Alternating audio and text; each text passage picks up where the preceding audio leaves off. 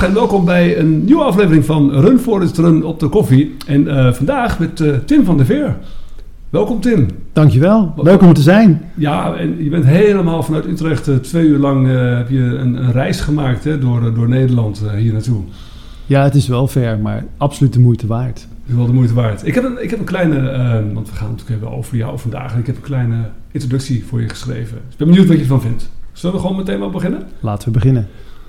Ja, want uh, vandaag gaat het misschien over onrecht of gaat het over recht. Ik zit namelijk tegenover een man die 20 jaar lang met zijn pen streed tegen onrecht, waar vast een diepere laag onder zit. Het gaat over de vader-zoonbanden, zijn vader die zich stuk liep op het heilige schrift, en zijn zoon die het schrift eigenlijk nieuw leven in weet te blazen, en zijn andere zoon als denker des vaderlands, want ja, wie wil nou niet zo'n titel hebben? Een man die liefde dacht te vinden in de Balkan, maar het ja-woord uiteindelijk in Nederland uitsprak. Een man die het leven tot een poëziecircus maakt en de mijlen mystical weet te maken. Niet alleen door ze te lopen, maar vooral ook door erover te schrijven. Hij lijkt soms meer op een surfer, en hij was het zelfs ooit één, of misschien nog steeds, gaan we zo ontdekken. Maar hij is bovenal hardloper. Welkom, Tim. Dankjewel. Oh, wat een mooie introductie. Dekt hij al heel blij wat? Ja, dat, dat dekt... Uh, we kunnen hier wel stoppen. Ik, ik dacht al, dat was wel bijna voorspelbaar, hè? nou, laten we toch maar verder. Ja, we gaan verder. Je zit er nou toch. Hey, leuk dat je er bent. Uh, we gaan uh, lekker uitgebreid um, eigenlijk over alle aspecten praten met jou die ik eigenlijk al heb benoemd. En ehm, sommige zijn al heel uh, ja, direct weergegeven. De andere heb je grote vraagtekens bij. Dus het wordt een mooie reis met jou. Uh, we gaan het hebben over je werk, we gaan het hebben over je leven, over uh, je gezin maar, en over het schrijven. En natuurlijk over hardlopen. En eigenlijk smelt alles ook daarin wel samen voor jou, hè? Jazeker. Ja, die dingen zijn onlosmakelijk eh, met elkaar verbonden voor mij. Dat heb je goed. Is dat, is, is pas later geworden dat je ziet dat het onlosmakelijk verbonden is? Of uh, is dat iets wat je, wat je al meteen wel zag, dat het met elkaar verbonden was? Nou, dat vragen ze ook eens wel eens aan schrijvers, uh, van die meerdere boeken hebben geschreven. Van, oh, dat zijn hele verschillende boeken, wat hebben die dan met elkaar gemeen? En dan is het antwoord heel simpel, de schrijver. En in dit geval ben ik wat al die dingen met elkaar verbindt. Dus uh, het is niet onlogisch om te denken dat al die dingen met elkaar verbonden zijn, maar ze komen allemaal uit mij. Um, maar ja, we gaan het er wel eens over hebben. Hoe het dan precies zit, dat weet ik natuurlijk ook niet. je doet die dingen vaak ook intuïtief. Ze komen op je pad. Als je, als je schrijver bent, ben je dan ook een beetje een regisseur van uh, wat er gebeurt om je heen? Um, nee, dat denk ik niet. Uh, wel natuurlijk in het boek um, en in de verhalen die je schrijft. Maar je bent niet noodzakelijk regisseur van de dingen om je heen. Ik denk eerder dat schrijvers vaak uh, uh, observators zijn, die, uh, die heel goed kijken naar de wereld um, en registreren. En daar vervolgens hun verhalen over schrijven. Vaak zijn het de stille mensen in een, gemeens, uh, in een gezelschap. Dat, dat zijn vaak de schrijvers die, die observeren. Die kijken en die analyseren. En die, Dat denk ik wel, in ieder geval geldt dat voor mij. Wat is het nu, want, want nu, wij gaan eigenlijk ook een soort boek schrijven nu in de komende, wat zal het zijn, uur, anderhalf uur. Mm Het is ook een soort proces van een boek hè, die we nu gaan maken. We hebben het eigenlijk al een beetje, deels een klein beetje voorbesproken, een soort verhaallijn erin aangebracht. We gaan eigenlijk een soort boek maken met elkaar. Dat hoop ik wel, ja. En, en, ik hoop dat we samen een mooi verhaal kunnen vertellen. Ik denk het wel. En weet je, we gaan, ik dacht, we gaan gewoon beginnen bij het begin. Dat is altijd mooi, want ik was, was even nieuw, want je woont nu in Utrecht. Ben je, maar waar, waar ben je geboren van, van oorsprong? Ik ben geboren in Heerlen, in het zuiden, in Limburg. Maar daar heb ik niet lang gewoond. Uh, eigenlijk precies negen maanden. Toen zijn we verhuisd uh, naar Spijkenisse. Dat leek mijn ouders toen een goed idee, omdat uh, dat was een groeikern. Dat was toen nog heel klein. Maar daar, daar, daar, daar gebeurde iets. Daar, daar was werk te doen. Dus mijn ouders die wilden graag naar Spijkenisse toe. Mijn vader vond er werk, mijn moeder uiteindelijk ook. Um, en mijn vader was sociaal opbouwwerker. En in zo'n zo'n groeiende kern, in zo'n groeiend, op dat moment nog een dorp, nu een stad uh, waren dat soort mensen nodig. Nou, om je een idee te geven, wij woonden toen we daar kwamen, en daar heb ik nog mooie foto's van. Wij woonden aan de rand uh, van Spijkenissen. We keken uit over de velden, over de weilanden. En nu woont mijn moeder, die daar nog steeds woont, die woont midden in de stad. We zijn helemaal dichtgebouwd. Uh, en ik denk dat veel mensen dat wel herkennen. Hè? Dus of je nou in Alphen bent geboren of in andere van die groeikernen uit de jaren 60, 70, 80. Uh, ja, dat was in die tijd. Dus de, daar kom ik vandaan. En in Spijkenisse uh, ben ik uh, geweest, ja, woonde ik tot ik 18 was. En toen ben ik verhuisd naar Utrecht toen ik daar wilde gaan studeren. En wat was je, wat was je voor jongen toen je nog echt jong was? Toen ik nog echt jong was, um, heel onrustig. Een hele onrustige jongen. ik denk ook een hele emotionele jongen. die heel erg hechtte aan vrijheid. En die heel erg hechtte aan uh, doen waar ik zin in had, wat ik wilde doen en wat niet altijd strookte met wat, wat de wereld om mij heen van mij verlangde. Um, ik weet ook uh, dat ik het heel erg vond toen ik naar de kleuterschool uh, ging. Um, niet toen ik eenmaal op zat, maar zeg maar er naartoe gaan was voor mij altijd een drama. En ook naar de, de lagere school ook wel. Iedere dag? Iedere dag, ja. Ik moest veel huilen daarom. ik vond het ook heel erg als mijn moeder dan wegliep. En dan gaf ze mij een knipoog en dan wilde ik haar een knipoog teruggeven, maar dat kon ik niet. Dus dat deed ik dan maar met twee ogen. En ja. waar, waar, waar, had het mee te maken? Had het mee te maken met die drang naar vrijheid? Dat je... Ja, dat denk ik nu. Ik bedoel, het is moeilijk te duiden, want dat is lang geleden. Uh, maar ik vond het heel uh, uh, moeilijk om in een stramien te moeten komen. dingen te moeten doen die anderen van me verlang, verlangden. En ik weet nog heel goed dat ik vaak terugdroomde over de tijd van voordat ik vier was en dat ik alles kon doen wat in me opkwam. Ja. Uh, dat ik die vrijheid miste. En het leven voor je vier werd. Ja, dat, dat, is nu bijna ondenkbaar, zo lang geleden. Maar dat gevoel, uh, dat, dat heb ik nog steeds. En overigens, dat gevoel, uh, dat leeft ook nog steeds bij mezelf. Want ik denk dat hardlopen voor mij bijvoorbeeld, om de brug nu meteen te slaan, ook uh, uh, soms uh, die, die functie heeft, is om weg te gaan uit het stramien en een tijd voor mezelf te hebben, de tijd die ik zelf invul, die, die ik zelf als vrijheid ervaar. Vond je jezelf dan ook anders dan anderen, ook al als kind al? Ik denk niemand zich ooit voelt anders als anderen. Je bent, ja, dat zeg ik verkeerd. Ik was gewoon wie ik was. En zoals ieder kind en ieder mens is zoals die is, Um, ik kon me op dat moment natuurlijk niet zo goed voorstellen nog van, van of ik anders was. Uh, um, ik had alleen mezelf en mijn, en mijn ouders en mijn uh, broer en mijn uh, vrienden. Daar kon ik het prima mee vinden. Dat ging uitstekend. maar goed, achteraf gezien was ik misschien niet helemaal hetzelfde als andere kinderen. Dat, dat is misschien wel waar. Ja. Je had het over observeren. Hè? Mm -hmm. als schrijver dat je observeert. was je toen ook al aan het observeren? Um, ja, denk het. Uh, niet zo bewust als ik dat nu doe. Uh, want um, nu, nu uh, sla ik de dingen beter op. Ben ik bewuster aan het observeren. Ook omdat ik dat geleerd nodig te hebben als schrijver. maar als ik, als ik terugdenk aan die tijd, weet ik me heel veel details te herinneren. Vaak overigens details die, die, die er op het eerste gezicht niet toe doen. Uh, maar die, die ik zelf van belang vond en nog steeds vind. Uh, kleine details uh, die niet zozeer gaan bijvoorbeeld over wat er in de les werd verteld.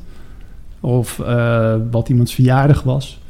Of wat voor weer het was. Maar ik kan me vaak hele andere soorten emoties en details herinneren uit die tijd. Noem eens wat, wat bedoel je dan? Nou, volgens mij had ik je dat ook wel eens verteld al. maar ik zat op voetballen ik kwam daar uh, als kleine jongen van, uh, van zeven volgens mij bij VV Hekelingen. Klein, uh, klein dorpje in de buurt van Spijkenisse. Met een soort van knollenveld waar we dan op voetbalden. We zaten in de rook van Rotterdam met een Ajax-shirtje aan. Nou, lastig. Um, maar goed, ik, ik, ik, was daar, ik voetbalde daar. over het algemeen verloren we. wat ik helemaal niet erg vond. Ik vond het heerlijk om gewoon met een groep vrienden op een veld te staan. Uh, het spelletje deed er voor mij echt niet zo aan toe. Maar ik kan me herinneren dat we een keertje wonnen. En uh, um, dat was natuurlijk heel leuk. We moesten natuurlijk uiteindelijk wel blij om zijn. Maar toen kwam ik in de kantine en toen zag ik een jongetje van de tegenstander. Die met zijn vader daar bij de kantine stond. En hij mocht van zijn vader heel veel snoep bestellen. En dat raakte mij enorm. En als ik aan terugdraai, raakte het me weer. Uh, want ik had het gevoel dat, hij, dat zijn vader dat dat verlies proberen te compenseren met die snoep. Maar dat soort dingen kan ik me dus altijd levendig herinneren. Het is grappig, dat het dan juist dat jou raakt. Ja. En nog steeds. en nog steeds, ik vind het enorm sneu. En, uh, dat is de helaasheid der dingen. Van dat, dat, zo gaat het leven. En Ehm, maar dat, dat zijn momenten die ik heel emotioneel vind en, en belangrijk vind om ook te onthouden. Want die kunnen heel, heel kenmerkend zijn of heel erg typerend zijn voor de toekomst. En is het nu ook, uh, kun je nu terugkijken en zeggen dat dat nu juist jouw kracht is? Dat je al die dingen kunt onthouden en die details kunt inzetten? Of is het ook juist een, een last eigenlijk? Bij tijd te wijlen is het een last. Een goede vriend, daar komen we ook later op terug, uh, Ingmar Heitse. En ik had het wel eens over, wij zijn allebei uh, getraind communicatiespecialisten. Uh, dat, dat iedereen die werkt in communicatie of, of schrijver is of met dit soort dingen bezig zijn, zijn eigenlijk, eigenlijk ook mensen die een open zenuw hebben. Die en het vermogen en de, en de capaciteit hebben om situaties te doorgronden, om mensen te doorgronden, nou ja, voor wat dat waard is die een bepaalde empathie hebben, laat ik het zo zeggen, voor situaties en mensen. Waardoor je dus goed kunt inspelen uh, op, op situaties en communicatie kunt ontwikkelen, of poëzie kunt schrijven, of uh, verhalen kunt maken. Maar het is ook een last, want het raakt je. Je moet het ook verwerken, ook de emoties van anderen. Ja, het is een continu proces. Ja. Voor jou. Ja, en zoals ik um, ooit tegen mijn moeder zei toen ik huilend op haar schoot lag, is dat mensen zwaarder voor mij waren. En dat is nog soms. Um, dat uh, als, ik uh, als ik veel contact met mensen heb, dan voelt het alsof mensen door me heen prikken als zwaarden. En dat ik daar dan geen verweer tegen heb. En dat is die open zenuw. En als je ouder wordt, dan leer je daar beter mee omgaan. Dan krijg je ook een soort van force fieldje om je heen. Maar dat, dat zijn wel de kenmerken die ik had als kind. Be begrepen jouw ouders jou daarin? Ja, zeker. Ja. Ik denk ook niet dat ik de enige was in het gezin die dat had. dat komt natuurlijk niet. Het is niet van een vreemde. Het is niet van een vreemde. Zoiets ontstaat niet vanzelf. En zo heb ik dat ook zelf ervaren, ook weer met mijn kinderen. die daar ook misschien wel last en voordeel van hebben. En dat is mooi, want dat is de, de brug natuurlijk straks ook naar jouw laatste boek, hè, die we gaan uh, mm -hmm. uh, bespreken, buiten bereik. Maar ik ben benieuwd, als je dan nu schrijver bent, um, je begint ergens met schrijven. Was dat toen ook voor jou al een uitlaatklep om bepaalde zaken op papier te zetten, ook toen je jong was? Of kwam dat pas later? Um, ik heb het nooit als, als uitlaatklep gezien, eigenlijk. Um, Natuurlijk is het zo dat verhalen, of het nou proza is of poëzie of, of, wat je ook schrijft, of dat nou een dagboek is, um, ontstaan uit, uit emotie, een ervaring of iets wat je hebt geobserveerd, iets wat je raakte, iets wat je bezighoudt. Um, maar dat, dat ik het echt gebruik om dingen van me af te schrijven, bijvoorbeeld, wat je wel eens uh, hoort en wat, je, wat mensen ook doen, wat mij ook heel therapeutisch lijkt, dat heb ik niet echt gedaan. Um, ik vond het gewoon leuk om verhalen te schrijven en om verhalen te vertellen. Dus ik was ook al uh, op de middelbare school, heb ik ook, uh, er was op een gegeven moment geen schoolkrant meer. De schoolkrant opgericht, opnieuw. Werd ik ook hoofdredacteur van de schoolkrant, voor wat het waard was. Want we waren gewoon een steltje ongeregeld. Ik weet nog heel goed dat onze conciërge, die onze medestander en hulp was met de schoolkrant, op een gegeven moment zei tegen ons... nou, die eerste versie was wel oké, die geef ik een 7... maar die tweede, dat was zo'n laag niveau... dan moet ik toch wel een 2 aangeven. Tja, um, maar... Um, uh, dus ik was altijd al met schrijven bezig. Ik vind, vind, vind, dat zo leuk. Het is zo mooi iets om te kunnen en om te doen. Wat is, wat is meteen, laten we daar eens even meteen op aanhaken. Wat is, wat is daar zo mooi aan voor jou? Nou, um, dat is een vraag die ik vaak krijg en uh, heel begrijpelijk. Uh, maar er, zijn, er is een overeenkomst tussen hardlopen en schrijven voor mij. En dat is namelijk dat beide activiteiten voor mij de mogelijkheid bieden om in een parallel universum te stappen.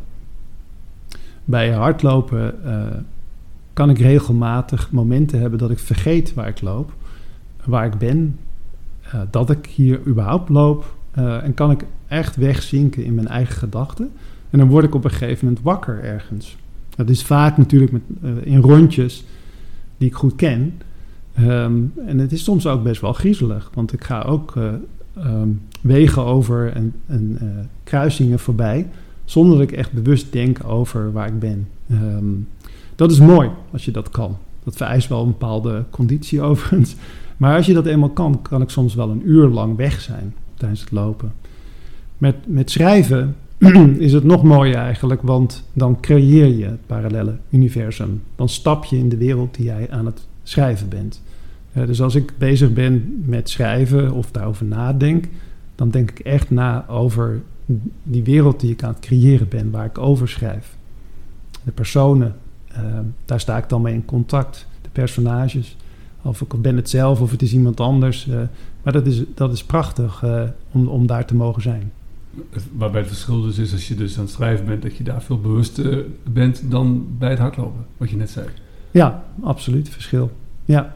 Dus het was voor jou ook niet gek dat jij op je achttiende uh, naar Utrecht uh, ging uh, en dat je daar algemene letteren ging studeren? Nou, dat was eigenlijk wel gek. Was het gek, ja? Ja, het was wel gek, want ik was goed in de beta-vakken. en overigens deed ik daarnaast ook allerlei talen. En ik weet nog heel goed dat ik naar de decaan ging van onze school, de Ring van Putten. En dat die tegen mij zei, of ik zei tegen de decaan van ik weet niet wat ik moet studeren. Ik ben al bij een aantal open dagen geweest, maar ik weet niet wat ik moet studeren. En hij zei tegen mij van nou vertel eens wat voor vakkenpakket heb jij? En ik lepelde dat op, waarbij het echt 50-50 was. Talen en aan de andere kant natuurkunde, biologie, wiskunde A, wiskunde B. En, uh, hij zei nou is makkelijk, TU Delft.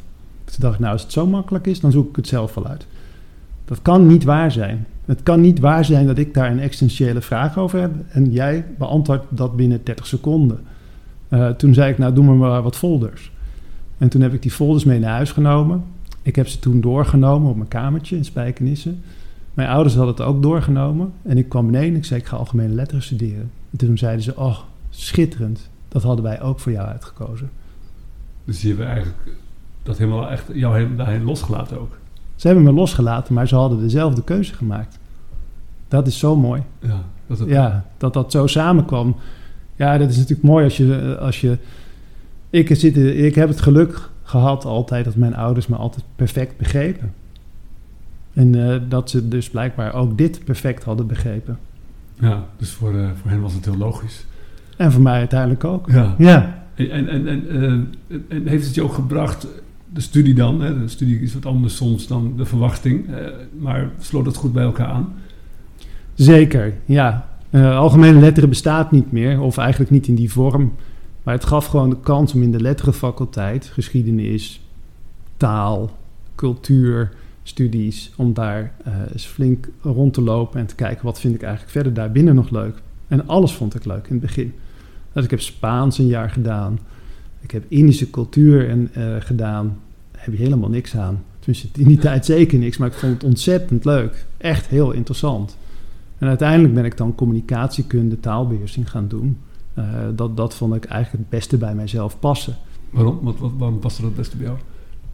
Uh, ik denk, ja, ik hou echt van taal. Ik, ik hou ontzettend van taal. Uh, ik kan echt genieten ook van schrijven. Niet alleen wat ik net vertelde, dat je treedt in een parallel universum. Maar ook het, het, uh, het, het, het, bezig zijn van de taal op zich. De woorden, de zinnen, de constructies die je daarmee kan maken, die, die eindeloos zijn. En waar je mee kunt spelen. Want dat is voor mij een enorme wereld. die, die me enorm aantrekt nog steeds. En waar ik nog lang niet klaar mee ben. maar dat was toen ook al. Dus dat paste bij mij. Om, om daarmee verder te gaan. Taalbeheersing ging eigenlijk over het optimaliseren van functionele teksten. Um, heel wetenschappelijk denk ik achteraf dat het niet was. Maar, uh, maar ja, het, het, gaf me, het bracht mij dichter bij waar ik wilde zijn. Het bracht mij dichter bij die taal en de liefde voor, uh, voor het spelen met woorden. En hoe, hoe anders is dat voor jou als je spreekt ten opzichte van als je schrijft? Um, nou, in beide gevallen probeer ik heel zorgvuldig te zijn. Alleen als je spreekt, zoals nu, dan moet het heel snel. En moet ik heel snel beslissen welke woorden ik uh, kies. Uh, dus ja, daarin uh, um, leef je in het moment om de juiste woorden te vinden. Als je schrijft, heb je heel veel tijd. En die neem ik ook als ik schrijf. Ik schrijf heel, heel, heel erg langzaam. Uh, dus echt, echt heel langzaam. Ik kan wel een hele ochtend eh, in mijn favoriete schrijverscafé zitten. Karel de Vijfde, vijf sterren hotel, restaurant in Utrecht. Waar ze me allemaal kennen. In mijn eigen hoekje. En de hele ochtend één zin schrijven. Maar dan heb ik wel heel veel nagedacht over die zin en waar het allemaal heen komt. Want er zijn miljoenen mogelijkheden waar het heen komt. Eh, en, en hoe de zin ook opgeschreven kon worden.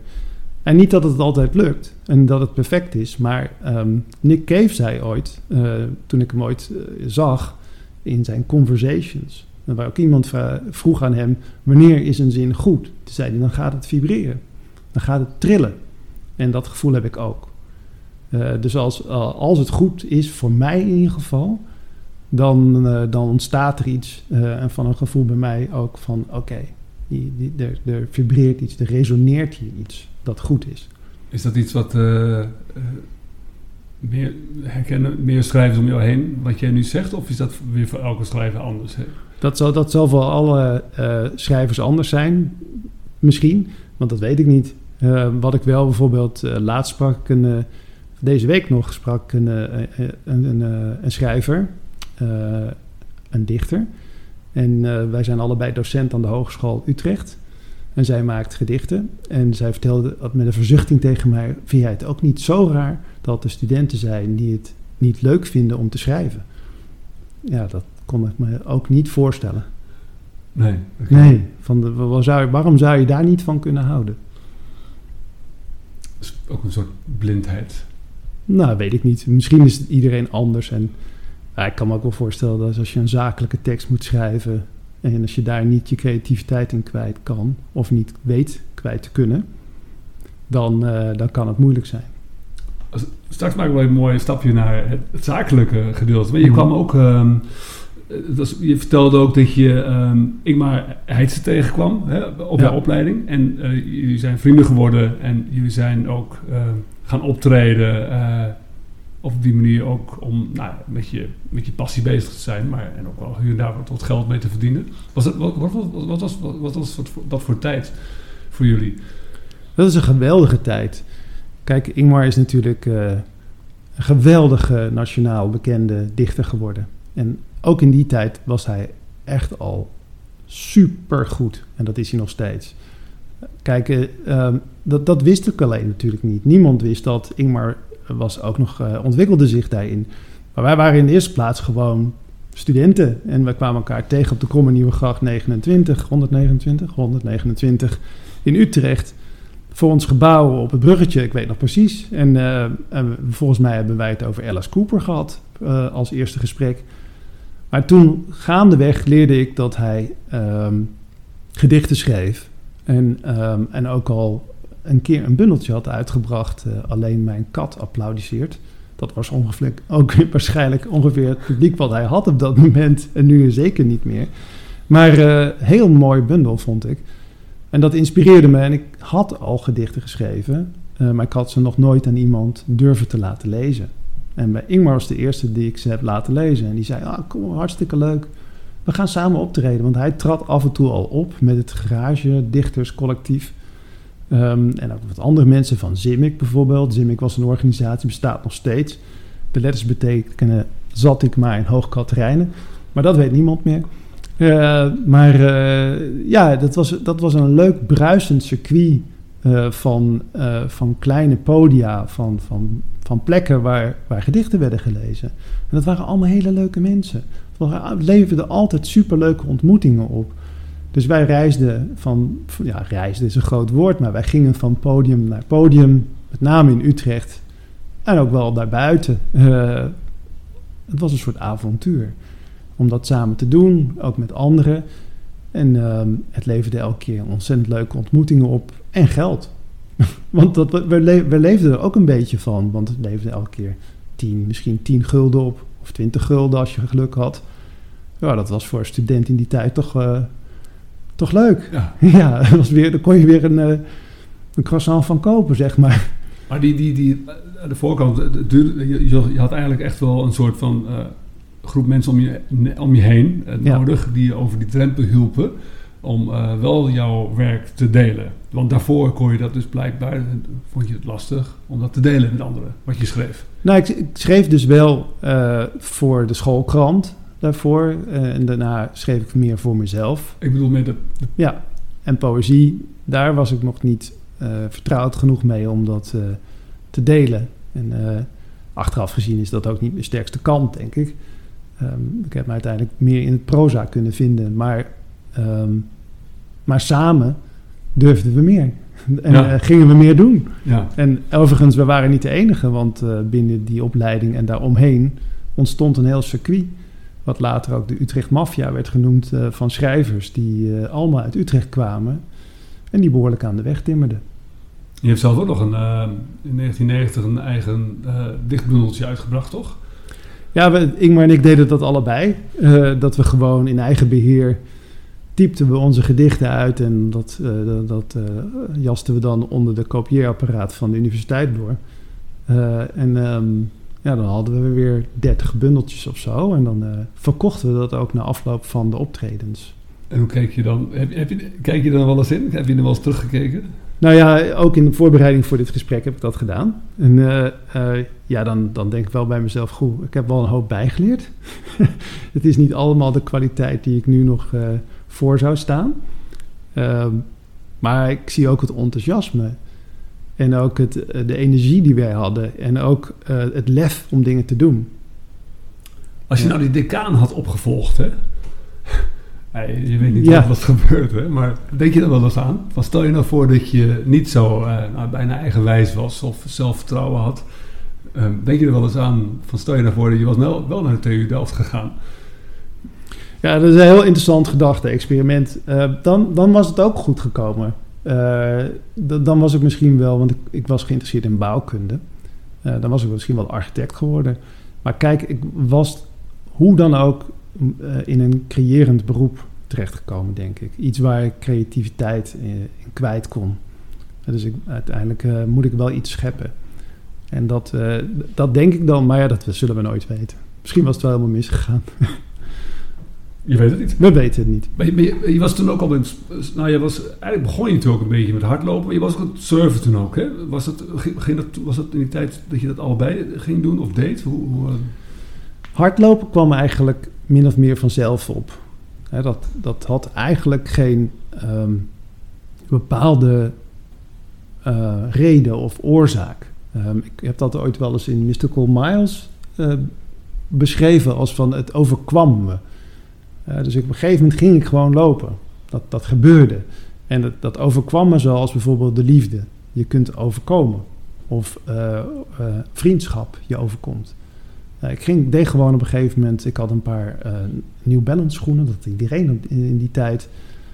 Ik, ik, trok ze gewoon aan, ik ging gewoon rennen. En gaandeweg um, dacht ik aan de avondspits. En dacht ik aan alle mooie meisjes die ik leuk vond. Um, eigenlijk ook weer heel weinig aan het hardlopen gedacht. en wat daar bijzonder was aan was of niet. Maar ik, ik wilde wel in beweging komen. Het windsurfen, dat ging bewuster. Uh, dat kwam ook in die tijd op. Hè. We hebben het hier over midden jaren tachtig uh, van de vorige eeuw, mag ik dan wel bij zeggen. Um, en toen kwam dat op. En ik weet nog dat mijn broer en ik een cursus hebben gekregen. Ik was 12 en hij was dus 14. In de buurt van Spijkenisse. Um, bij de Bernisse, om precies te zijn. En dat mijn vader was meegekomen, die had ons daar ingebracht, die had ons afgezet. En we kregen daar cursussen. Mijn broer die had het binnen een uurtje of zo wel redelijk door. Maar die was ook fysiek al een stukje sterker. En ik heb alleen maar kopje onder gelegen onder het zeil. En ik weet nog dat ik aan de kant kwam als een verzopen hond. En dat mijn vader tegen me zei, en hoe was het? En ik zei, nou, volgende keer laat ik me gewoon zakken. Ik verzuip gewoon hier. Ik was zo moe. En, uh, maar uiteindelijk heb ik doorgezet. We kregen ook een windsurfplank van mijn ouders. Later nog veel betere. Uh, en uiteindelijk ben ik denk wel een, een, redelijk goede windsurfer geworden. En doe nog steeds als ik, als ik uh, ja, de tijd vind. Maar je verleert dit niet. super gaaf om te doen om binnen enkele seconden van 0 tot 50 over, over het water te scheren en naar de zee of naar het water te kijken. En naar de zon en naar de wolken die voorbij trekken. En een regenbui die op je neerkomt, dat wondert allemaal niet. Alles is weg. Je bent alleen maar bezig met de, de wind en de omgeving. In feite wat je ook met het lopen hebt. Ja, misschien nog wel sterker met het windsurfen. Dat is, dat is meer een adrenalinesport. Uh, maar je kan, je kan werkelijk niet op het water staan en denken aan een tentamen. Dat is onmogelijk. Dat gaat niet samen. Dat gaat niet samen. Dat kan met hardlopen nog wel. We hadden net over, uh, net over het lopen. We hebben het al even kort. Uh, liefde is al even aan het bod geweest. Het zijn toch onderwerpen die ook bepalend zijn voor jouw boeken. Mm -hmm. um, in de jaren 90, toen reis jij heel vaak naar de Balkan, hè? Dat was een plek waar je regelmatig naartoe ging. Hoe, hoe, hoe is dat zo ontstaan? Nou ja, uh, ik was verliefd geworden op een meisje uh, uit uh, Servië. En, um, en dat was, ja, het was geen vakantieliefde. het bleef. En dus reisden we op en neer om elkaar te zien. Um, ja, dat begon in jaren, ik denk 89, 1990. Maar kort daarna brak natuurlijk de oorlog uit. Um, en toen werd het heel moeilijk. Uh, niet alleen moeilijk in de relatie, want dat had een impact op ons. Maar het maakte het ook fysiek moeilijk om elkaar te zien. Dus uh, ja, we moesten hals, hoe zeg je dat, halsbrekende toeren uithalen om elkaar nog te kunnen, kunnen zien en elkaar toe te kunnen reizen. Wat, wat, voor, wat moet ik me daarbij voorstellen? Je had inderdaad de oorlog in Bosnië, je had natuurlijk de omliggende Kroatië en Servië en zij woonde in Servië. Ze woonde in Servië, ze, ze, is, was en is half Servisch, half Kroatisch, wat het ook nog extra moeilijk maakte. Haar vader was Kroaat, waardoor werden ze ook bedreigd.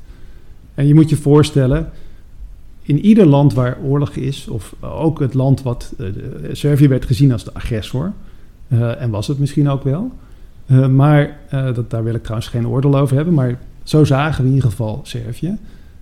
maar niemand in zo'n land, geen enkele normale burger wil een oorlog. Niemand wil dat. Iedereen heeft broers en zussen, neven en nichten ook in die andere delen. Dus ja, iedereen was eigenlijk slachtoffer. Dus wat ik daar heb meegemaakt, um, niet zozeer echt in Bosnië, waar natuurlijk werd gevochten, of in Kroatië of op die grensgebieden.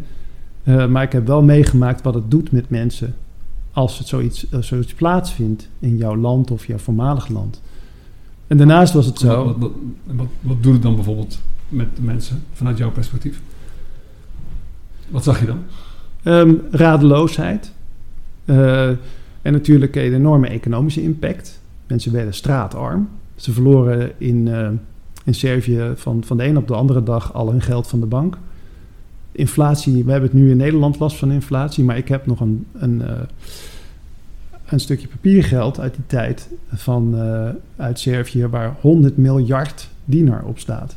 100 miljard. Ik weet niet eens hoeveel nullen dat zijn. Ik, het is jammer, ik had het mee kunnen nemen, had het je kunnen laten zien. Maar het, het bestond. En het was misschien in de ochtend 10 Duitse mark, laten we zeggen 10 euro waard. En s'avonds was het niks meer waard. Dus ja, dat, dat ontwricht een samenleving zodanig dat uh, alles is, uh, alles is uh, emotioneel beladen. Alles is moeilijk. Alles is zwaar. mensen hebben last van propaganda. Wij hadden ook last van propaganda, dat zag ik ook. Dat in Nederland wij ook dingen voorgeschoteld kregen die niet klopten. Um, en het maakte het, mijn leven heel moeilijk. Ik zal je vertellen dat ik een keer op donderdag uh, uh, 17 oktober, het moet 1993 zijn geweest, denk ik, uh, dat ik op mijn werk zat. En dat mijn baas naar me toe kwam en zei, wat kijk jij Sip? En ik zei, ja, mijn vriendin is jarig dit weekend, 19 oktober. En toen zei hij, nou weet je wat, je moet er gewoon heen gaan. Ik zei, ja, maar dat is zo makkelijk niet. Hij zei, je gaat alles op alles stellen om er naartoe te gaan. En dat vond ik heel mooi en heel fijn. Dus nou, dat heb ik toen gedaan. Dus ben ik eerst gaan bellen met uh, de vluchtmaatschappij. Nou, kon ik een vlucht vinden, want ik kon natuurlijk niet rechtstreeks op Servië vliegen, want er waren sancties. Er mocht niet op gevlogen worden. Maar ik kon wel naar Hongarije, naar Budapest. Ik moest een, uh, um, een hoe zeg je dat, een garantieverklaring krijgen van iemand in Servië. Maar ik wilde mijn vriendin verrassen. Dus ik had iemand anders gevonden om dat te regelen. Dat werd dan naar mij toegefaxt. Dat moest ook allemaal wat stempeltjes en ingewikkeld. Toen moest ik naar, op vrijdagochtend ben ik naar, uh, naar Den Haag gegaan, naar de ambassade van Servië. Daar heb ik uh, toen als eerste ben ik daar binnen gelopen. Mijn paspoort plus alle papieren neergelegd voor een visum. De anderen kwamen ook binnen en mijn paspoort werd onderop gelegd, want ik was de enige Nederlander en waarom zouden we die als eerste helpen? En ik zei, maar ik heb wel zo mijn vlucht. Toen werd ik gelukkig, omdat ik ook een klein beetje service kon, werd ik toch weer als eerste behandeld. Uiteindelijk heb ik mijn vlucht gehaald. Was het al aan het einde van vrijdag. Zaterdag was ze jaar.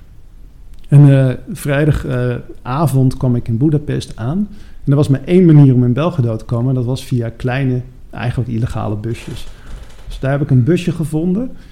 Van weet je wel, zo'n acht personen busje waar mensen dan in kunnen. Nou, wij rijden de nacht in. Iedereen Serviër, natuurlijk geen enkele Europeaan verder of uh, iemand anders uit Europa. Dus ik was de enige vreemde eend in de bijt en ze keken ook mij allemaal aan van wat doe jij hier? Toen kwamen we op de grens, ergens midden in de nacht en ik werd er natuurlijk uitgehaald. En mijn papieren waren in orde, maar ja, zo ging het niet. Zo ging het niet. Uh, er stond een dronken douanier voor mij. Die plaatste zijn Kalashnikov op mijn hoofd. En die schreeuwde naar mij: Wat doe jij hier? Dus, uh, en ik zei tegen hem: Ja, ik kom hier voor de liefde. In mijn gebrekkig service. Uh, waarop hij zei: Het werd hij al iets milder. Hij werd al iets milder, keek al iets vriendelijker. En toen herinnerde ik me: Ik weet niet waarom. Ik herinnerde mij in één keer: Wacht eens even, ik ben nog ergens heel ver weg. Uh, Pools. Dus mijn oma heette Patskowski Generotski. Toen heb ik tegen hem gezegd: Ik heb Slavisch bloed. Dus wij slaven onder elkaar mogen elkaar het geweld bezoeken. Waarop hij zijn uh, geweer liet zakken. En vervolgens uh, pakte hij mijn paspoort en die keek hij ernaar en zag hij mijn naam, Van de Veer. En je moet weten dat de onderhandelaar toen was Van de Broek geweest. En daar hadden ze respect voor. Toen viel hij me in de armen uh, en toen mocht ik binnen. Dus van een uh, tegen je hoofd naar een knuffel? Naar een knuffel en vervolgens pakte die gasten uit het busje. Die pakte me zo snel mogelijk bij de kraag en zei, nu ga je heel snel weg. Want uh, we gaan niet afwachten wat er verder nog gaat gebeuren. En uiteindelijk was ik om vijf uur s ochtends uh, bij mijn vriendin. En hoe was dat, zo'n verrassing? Ik denk dat je dat wel kunt voorstellen dat dat positief was. Het was een mooi, ja. mooi ja. verhaal. En, en, het mooie is, dit is ook het... Jouw, jouw, bezoeken aan de Balkan, aan Servië, heeft ook de basis gevormd voor het boek. Jouw tweede ja. boek, De Wetenschap van Tara. Mm -hmm. um, ja, het, het heeft je ook wel uh, heeft je ook heel erg gevormd in hoe je naar de wereld kijkt. Ja. Al, al, die acht jaren dat je dus op en neer reist, niet alleen maar voor de liefde, maar je komt natuurlijk in een land die, uh, waar een oorlog begint, waar een oorlog uh, bezig is en ook eindigt, hè, de afloop ervan. Wat heeft dat voor jou betekend? Nou, ik, ik, ik wilde, ik, wat ik had ervaren was het absurdisme. Hoe absurd een samenleving wordt en hoe onrechtvaardig. Uh, maar in de eerste plaats het absurde. Uh, dus, en ik, in die tijd kwamen er ook uh, hele mooie films uit van Emir Kusturica, een beroemde Servische, um, als ik het goed heb, Servisch, maar ik denk dat het een Servische um, regisseur was. En die films die benadrukten dat ook heel sterk, het absurdistische. En um, soms was het lachen, maar soms, vaak was het huilen. En het was in ieder geval heel absurd en vreemd surrealistisch. En uh, uh, ik dacht, oké, de ervaringen die ik heb, uh, alles wat ik heb gezien en wat ik heb meegemaakt, kan ik dat in een boek schrijven? kan ik dat verhaal vertellen um, in een context zoals die films van uh? En toen heb ik dat boek De Wetenschap van Tara geschreven, um, waarbij een Nederlandse moleculair bioloog de opdracht krijgt om een overleden Serviër uh, te gaan begraven in het gebergte Tara in Servië. Maar deze man is heel bang en, uh, en, wil dat niet zo efficiënt doen. Dus die huurt uiteindelijk een lijkwagen en rijdt dan via B-wegen en tractorpaden door Europa uh, naar Servië toe om dat, om dat lijk in de aarde te bestellen. En, en onderweg ontdekt hij wat er is gebeurd met die Serviër. En wat voor vreemde capriolen die heeft meegemaakt tijdens de oorlog. En dat was mijn vehikel, letterlijk, om, uh, om dit verhaal te vertellen. En hoeveel van jou zit in dat verhaal? Jou persoonlijk? Nou, het, het gekke is dat heel veel mensen dit boek, eh, als ze het lezen, zeggen van ja, dat kan niet. Uh, wat, er gebeuren zulke gekke dingen in. Um, en ik weet dat 95% van die verhalen echt zijn gebeurd. En je hebt uh, dat ik ze heb gezien. En, misschien niet zelf actief aan mee heb gedaan of uh, zelf heb ervaren, maar ik heb ze gehoord, ik heb het gezien, ik heb het geobserveerd. En, het, en een groot deel was nog niet verteld? Nee, uh, in ieder geval, ik had het nog niet verteld. En dit verhaal moest eruit. Zoals met, met al, alle boeken en verhalen die ik schrijf. Een verhaal schrijf ik pas als ik vind dat de urgentie zo hoog is dat het eruit moet. Ondertussen was je midden twintig en toen werkte je bij een IT-bedrijf. Eh, dan ja. werd je manager van een communicatiebureau. En, maar daar waren ook heel veel fanatieke hardlopers, werkte, of werkte daar ook.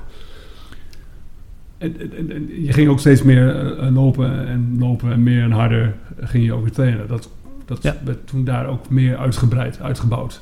Totdat je je eens ging schrijven spontaan voor de Rotterdam Marathon.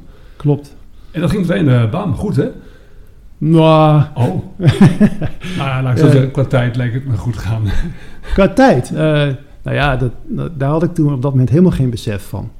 Uh, het is waar inderdaad, in mijn omgeving waren allemaal goede lopers en dat stimuleerde mij. Maar eigenlijk was het vooral dat um, ik zocht in die tijd een huis. En ik had een makelaar in de arm genomen en gevraagd van, nou, zoek maar een huis voor mij. Dit zijn mijn voorwaarden, dit is wat ik kan uitgeven enzovoort. En die kwam elke keer met een stapeltje faxen, werd het toen nog in het faxen toegestuurd van, deze huizen staan te koop, ga maar kijken. En ik kwam dan s'avonds thuis van het werk. En dan schoot ik uh, een oude uh, joggingbroek aan en uh, de gele trui van mijn broer, waarin hij vroeger hockeyde. En een paar, uh, ja, volgens mij voetbalschoenen. En dan ging ik gewoon hardlopend van huis naar huis om te kijken of het wat voor me was. En eerlijk gezegd uh, was ik steeds eigenlijk wel blij dat het steeds niet iets voor me was. Want dan kon ik weer verder lopen. Dus het heeft ook heel lang geduurd, die zoektocht. Ik heb ook nooit wat gevonden eigenlijk. Maar, uh, maar daardoor liep ik meer en meer en meer. En toen dacht ik, ach wat, ik kan ook gewoon een marathon lopen. Toen had ik me ingeschreven voor de Rotterdam Marathon wist totaal niet hoe je daarvoor moest trainen. Deed maar wat. Uh, rommelde maar wat aan. Ik wist niks over schoeisel. Ik wist niks over voeding of over wat je dan moet doen tijdens een marathon. Maar uiteindelijk stond ik wel aan de start. En uh, heb het ook gered. In 3 uur 29. Nou ja, dat kon later een heel stuk sneller. Maar, um, maar op dat moment was dat, dat is wat er gebeurd is. Zo is het gegaan. Ja. ja, want de tweede marathon die was in, in Londen, hè? Ja. En die ging net, net boven de drie uur. Maar dat, ja. ondanks dat je tegen een paal liep. Ja. Paal opliep. Wat, wat, wat, is daar, wat is daar precies gebeurd dan? Nou ja, ook, dat, ook toen wist ik nog steeds niet goed wat ik aan het doen was. Ik was wel meer gaan trainen. Ik had ook wel door van misschien moet ik langere afstanden lopen. Want daarvoor had ik niet langer dan 18 kilometer gelopen of zo, als verste afstand. En ik dacht, ik moet misschien iets meer trainen. Iets langere afstanden, dat had ik allemaal netjes gedaan. Maar ik was in goede vorm. Mijn broer was mee, we hadden het leuk daar, het was mooi weer. En toen kwam ik ook eigenlijk vrij laat bij de start. En uh, ik wist ook helemaal niet in welk startvak ik moest staan. Uh, maar goed, ben ik maar ergens uh, ingevoegd. Heel druk, veel te veel mensen. Um, waarschijnlijk na vergelijking toen nog redelijk weinig, want nu is het natuurlijk helemaal bizar druk. Ehm, maar nou goed, ik, uh, wij gingen lopen en, en liep een kerel voor me. En ik dacht, nou, die heeft wel een mooi tempo, dus ga ik daar achter blijven. Dat was wel fijn. Uh, maar die sprong in één keer opzij en ik knalde tegen een paal, ja. En, hij, en die, het was zo'n laag paal en die schoot ook echt in mijn zij, in, uh, in mijn lies.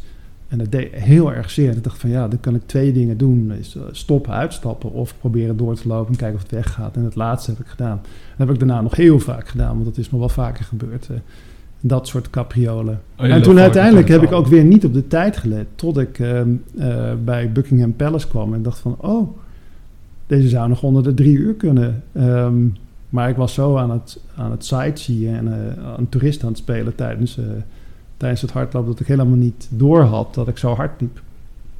Tussen die, tussen die marathons door heb je met Ingmar en met Vincent Kramer... nog steeds een goede vriend van jou... Ja heb je het uh, Poëziecircus opgericht, hè? Ja. Dat was een, uh, die maakte jaarlijks iets van 10 tot 20 producties, begrijp ik, uh, op het snijvlak van poëzie en andere rare, gekke kunstdisciplines, toch? Je, ja. wil, je wilde iets anders gaan neer, je wilde, jullie wilden het op een andere manier gaan neerzetten. Wat was jullie gedachte als het gaat om het poëzie, poëziecircus? Nou ja, kijk, we, we, traden dus heel vaak op allerlei podia. Um, als ja, als, als dichters. En later ook als muzikanten. Vincent en ik zijn nog jarenlang een saxofoonduo geweest. We zaten ook in een salsa band en we maakten allerlei muziek. Maar ehm, ehm, wat we wel merkten is dat de kwaliteit van hoe die avonden werden georganiseerd toch ook wel, ook wel uh, daar was wel wat kritiek op te geven. de microfoons die niet goed werkten. Of uh, dat uh, iemand toch nog cappuccino ging maken tijdens het optreden. En dan hoor je denk ik zo... Ja, het was gewoon allemaal net niet... het kon gewoon beter, laat ik het zo zeggen. en uit die urgentie dachten van... Weet je, waarom doen we het zelf niet? Um, en we kenden zoveel schrijvers, dichter, dichters, zangers, muzikanten, andere soorten podiumkunstenaars. En dachten van, nou, we hebben ook voldoende netwerk om dit voor elkaar te krijgen. En we waren geïnspireerd door Amerikaanse talkshows, zoals The Tonight Show. Van, misschien is het leuk als we het zo doen, dat, dat we een kader bieden op dat podium. Dat wat er ook aan, aan performances koopt, ook al is het slecht en uh, niet goed genoeg... Uh, dat, uh, dat het snel doorgaat. Dus het kan nooit misgaan eigenlijk. Uh, als je een goede presentator hebt en je hebt een huisband en je hebt korte performances en waarvan je zeker weet, nou een paar van die gaan het zeker heel goed doen, dan, dan is dat een format. Dat, dat woord kennen wij niet hoor, maar dan is dat achteraf, een, is achteraf was dat een format. Dat dat gaat werken. En Ingmar is een, een, uiterst goede presentator. Nou, ik denk dat wij redelijk goed saxofoon konden spelen. Wij bleven dus ook op het podium. De hele tijd. Dus wij zaten op het podium. Dus wij, tussen de verschillende performances door speelden Vincent en ik op de saxofoon. En dan presenteerde Ingmar weer. En dan kwam de volgende. Later is overigens dat format veranderd. Er kwamen andere mensen in. Uh, en die hebben daar ook nog hele mooie producties mee gedraaid. Toen waren wij al weg. Um, maar we hebben jarenlang echt hele leuke uh, fantastische uh, evenementen kunnen, kunnen bedenken en uh, aan mee mogen doen zelf ook. Dat ja. heeft tot, tot 2013 heeft bestaan. En het heeft ja. ook wel diverse mensen voor andere, later bekendere mensen ook weer voortgebracht, toch? Ja, ja zeker. Dus ik kan me goed herinneren dat, ik, dat we een poëziecircus hadden in Leiden. Um, cultureel Centrum de X of niks. Dat, kan, dat weet ik even niet meer. En dat ik daar met, uh, met Tommy Wieringa zat. En die was toen helemaal onbekend. Achteraf had ik zijn boek gekocht. Dat was, hij had er één bij zich, zijn voorleesexemplaar. Waarin stond voor Tommy. En dat heeft hij later omgeschreven tot voor Timmy. Dus ja, en Claudia de Brij heeft bij ons opgetreden. En Ruben van Gogh. En Vrouwtje Tuinman, die laatst een prachtige prijs heeft gewonnen. Uh, dus uh, nee, genoeg mensen. En uh, muziek was natuurlijk toen dus voor jou en Vincent en ook ik maar was dat echt wel een bindende factor. En je, speelde vooral met Vincent ook veel. En Vincent is nog steeds een vriend van jou en daar speelde je dus echt heel veel mee samen. En, je hoort nu op de achtergrond iets van uh, wat jij nog gezocht van Kip. Look the Moon. Wat, is dat, wat betekent dat voor jou? Waarom heb je dit uitgezocht? Ja, dit is uh, Look the Moon van Kip Hanrahan. Um, ik denk dat Vincent uh, hem had ontdekt. Um, en hij deed eigenlijk iets waar wij helemaal flabbergasted van waren. Uh, hij bracht uh, waanzinnig goede muzikanten bij elkaar. Het was niet één band, hij bracht gewoon verschillende muzikanten bij elkaar. Uh, uit de jazzhoek, maar met name ook uit uh, Latijns-Amerikaanse muziek, percussie ook heel veel. En dichters en zangers. En toen dacht ik, oh, dat is precies wat wij willen. Dat is precies waar wij willen zitten op het snijvlak van muziek en poëzie en verhalen. En uh, ja, dat inspireerde ons enorm. Ja. Want je, je hebt samen ook in een uh, twaalfkoppige salsa band gezeten. Ja. En een, uh, je had een ensemble uh, Concept Unity opgericht samen. Ja. Dus, dus het, is, is, is, um, is schrijven ook een beetje hetzelfde als muziek maken? Zit er een soort overlap in? Um, nou ja, het is allebei uh, iets creëren. Um, het, is, ook wel weer wezenlijk anders, uh, op een bepaalde manier. Um, maar omdat wij, uh, we waren ook erg bezig met hoe dingen uitpakken op een podium. Dus ook als we met schrijven bezig waren, um, overigens in die periode was ik meer bezig met muziek. maar dan gingen we er wel van uit, het moet op een podium kunnen werken. We waren bezig met hoe, hoe, hoe pakt dat uit met publiek, live, op het moment zelf. En, um, en dat, dat hoor je bijvoorbeeld bij Ingmar nog steeds. Dus wat hij schrijft, uh, dat, dat is uitermate geschikt om ook om te horen en om te zien, om mee te maken live. En dat, dat waren we toen ook mee bezig. En, en ehm, dus dat, uh, dat wat wij maakten, conceptuity, dat kwam van een term van uh, volgens mij Frank Zappa, conceptual continuity. Is dat we zochten naar van hoe kunnen wij iets langers maken met verschillende kunstenaars, waar een soort van conceptuele continuïteit in bestaat. Conceptuity. en toen vonden wij een samenwerking met drie dichters, vier uh, mensen op conga, twee saxofoons, Vincent Kramer en ikzelf, en een cello. En uh, daar hebben we wel mee opgetreden. En dat, ja, dat was een combinatie van muziek en, uh, en poëzie, waar wij in ieder geval heel veel plezier aan hebben gehad. Met, met hetzelfde Vincent ben je ook um, de Inca-trail gaan lopen in, in 96. Ja. En, en, en, daarvan zeg je, je hebt het nog steeds over, maar um, het heeft je ook heel erg gevormd, die, die reis. Op welke manier heeft het, je, heeft het jou gevormd? Nou, het was sowieso heel, heel erg gaaf om, om zo ver op reis te gaan uh, met een hele goede vriend. Um, maar de route die we hebben genomen was ook bijzonder. Um, uh, dus Vincent uh, is een echte Latijns-Amerika-expert. Hij heeft ook Latijns-Amerika-studies gedaan. Hij was al vaak in Zuid-Amerika geweest. Dus ik had een ideale gids in, in dat verband. Uh, maar we zijn niet de gebruikelijke route gegaan. We zijn door de bergen gaan reizen, waar al tijden geen mensen waren geweest. Geen toeristen, laat ik het zo zeggen, zijn geweest.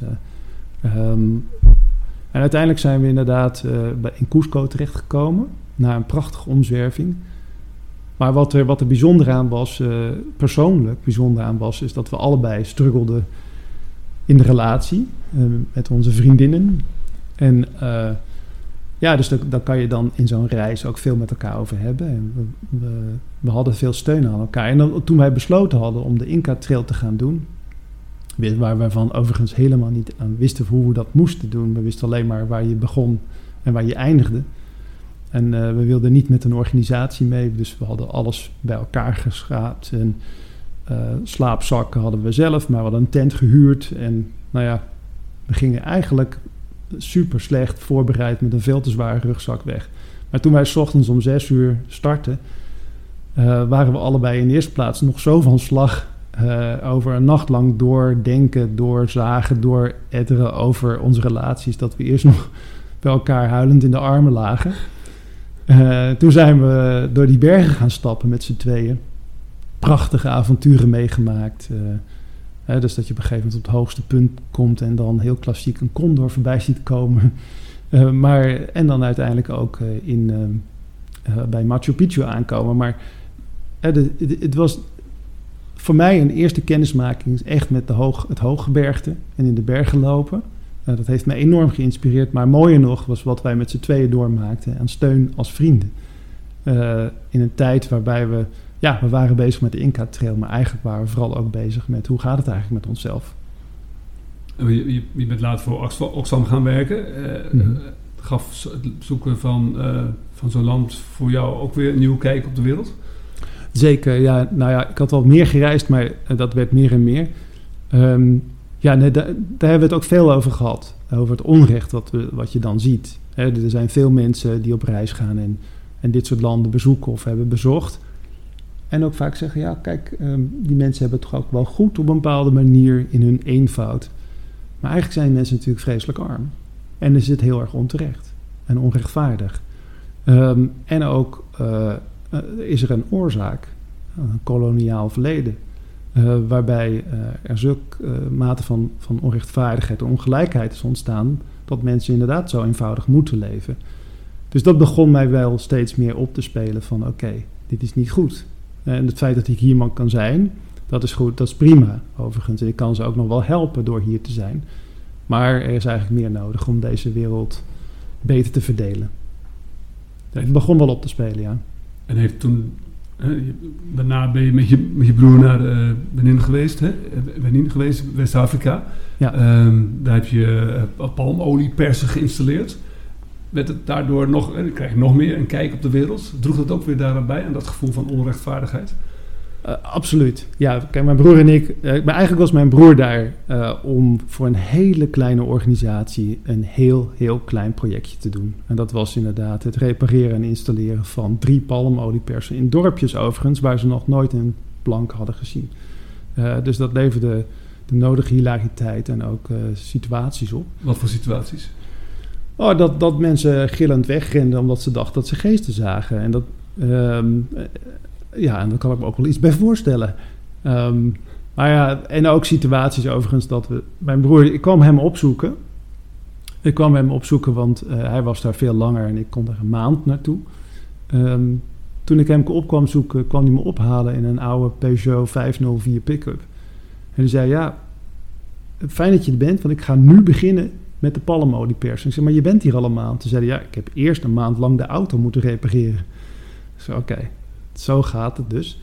Um, ja, en ook wel leuk was dat hij inderdaad zo in zo'n Afrikaans kostuum rondliep. En ik zei, waarom doe jij dat? dat is toch een beetje gênant. Ik zei, nou, ik denk dat ik meer respect dan jij krijgt hier. Misschien dat het in Nederland wat gênant is, maar hier vinden mensen dat toch echt heel leuk en tof als ik dat doe. En dat, dat bleek ook. Uh, maar goed, dan kom je weer in dorpjes waarvan je denkt, ja, dit is toch wel echt niet voorstelbaar hoe arm mensen leven. En het hoeft niet zo te zijn.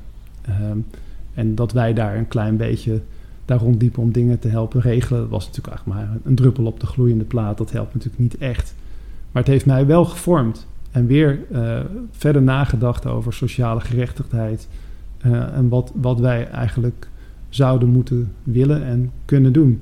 Is dat pas door die reizen ontstaan? Of is dat ook vanuit je opvoeding ontstaan? Of? Oh, absoluut. Daar komen we vast nog op. Maar mijn vader uh, en mijn moeder hebben allebei sociale academie gedaan. Hun leven bestond eigenlijk uh, uit het opkomen voor de zwakkeren in de maatschappij. Of bestaat dat eigenlijk nog steeds voor mijn moeder. Uh, die, en ook vechten tegen onrecht. De familie van de Veer is een, een heel opstandige familie. Uh, die altijd zal opkomen tegen onrecht. Veerkracht. Veerkracht, noem het zo.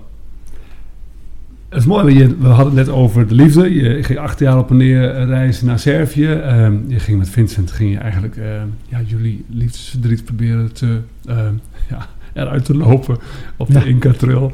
En uiteindelijk ontmoette je, ehm, toen je 30 was, jouw huidige partner nog, Alaude. Alaude, ja. Hoe, hoe is dat ontstaan? Is dat een mooi verhaal? Dat is zeker een mooi verhaal. Want wij studeerden allebei algemene letteren, maar we kenden elkaar nog niet goed.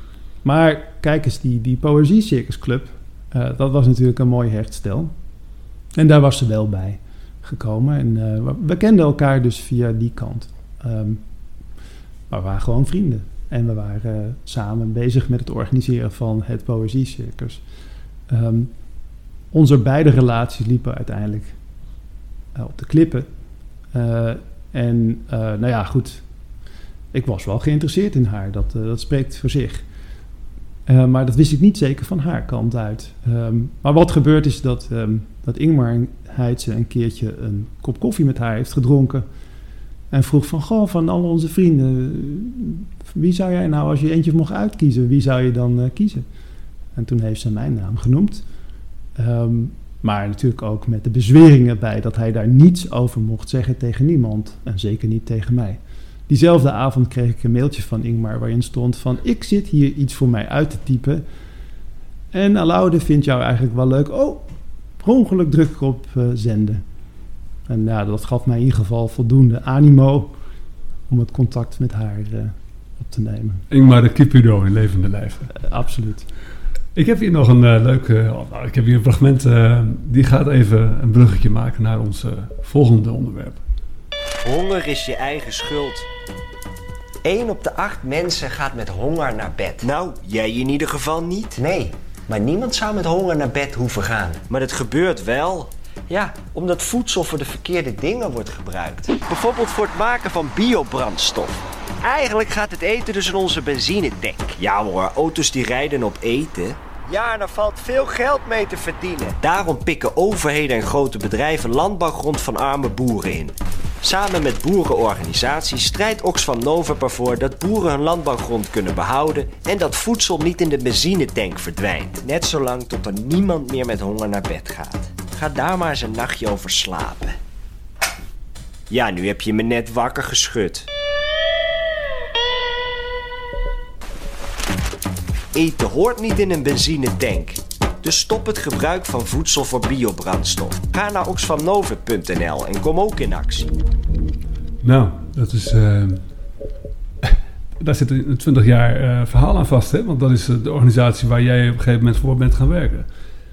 Heb jij hier aan gewerkt, deze commercie? Nee, daar heb ik niet aan gewerkt. Nee. Eh, ik denk dat deze.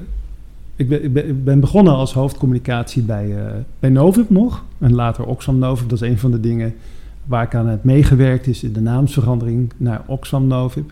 Eh, maar ik was denk ik al aan het werk bij Oxfam International. eh, toen deze commercial werd gemaakt. De koepelorganisatie van Oxfam. Wat was, jouw, wat was jouw rol?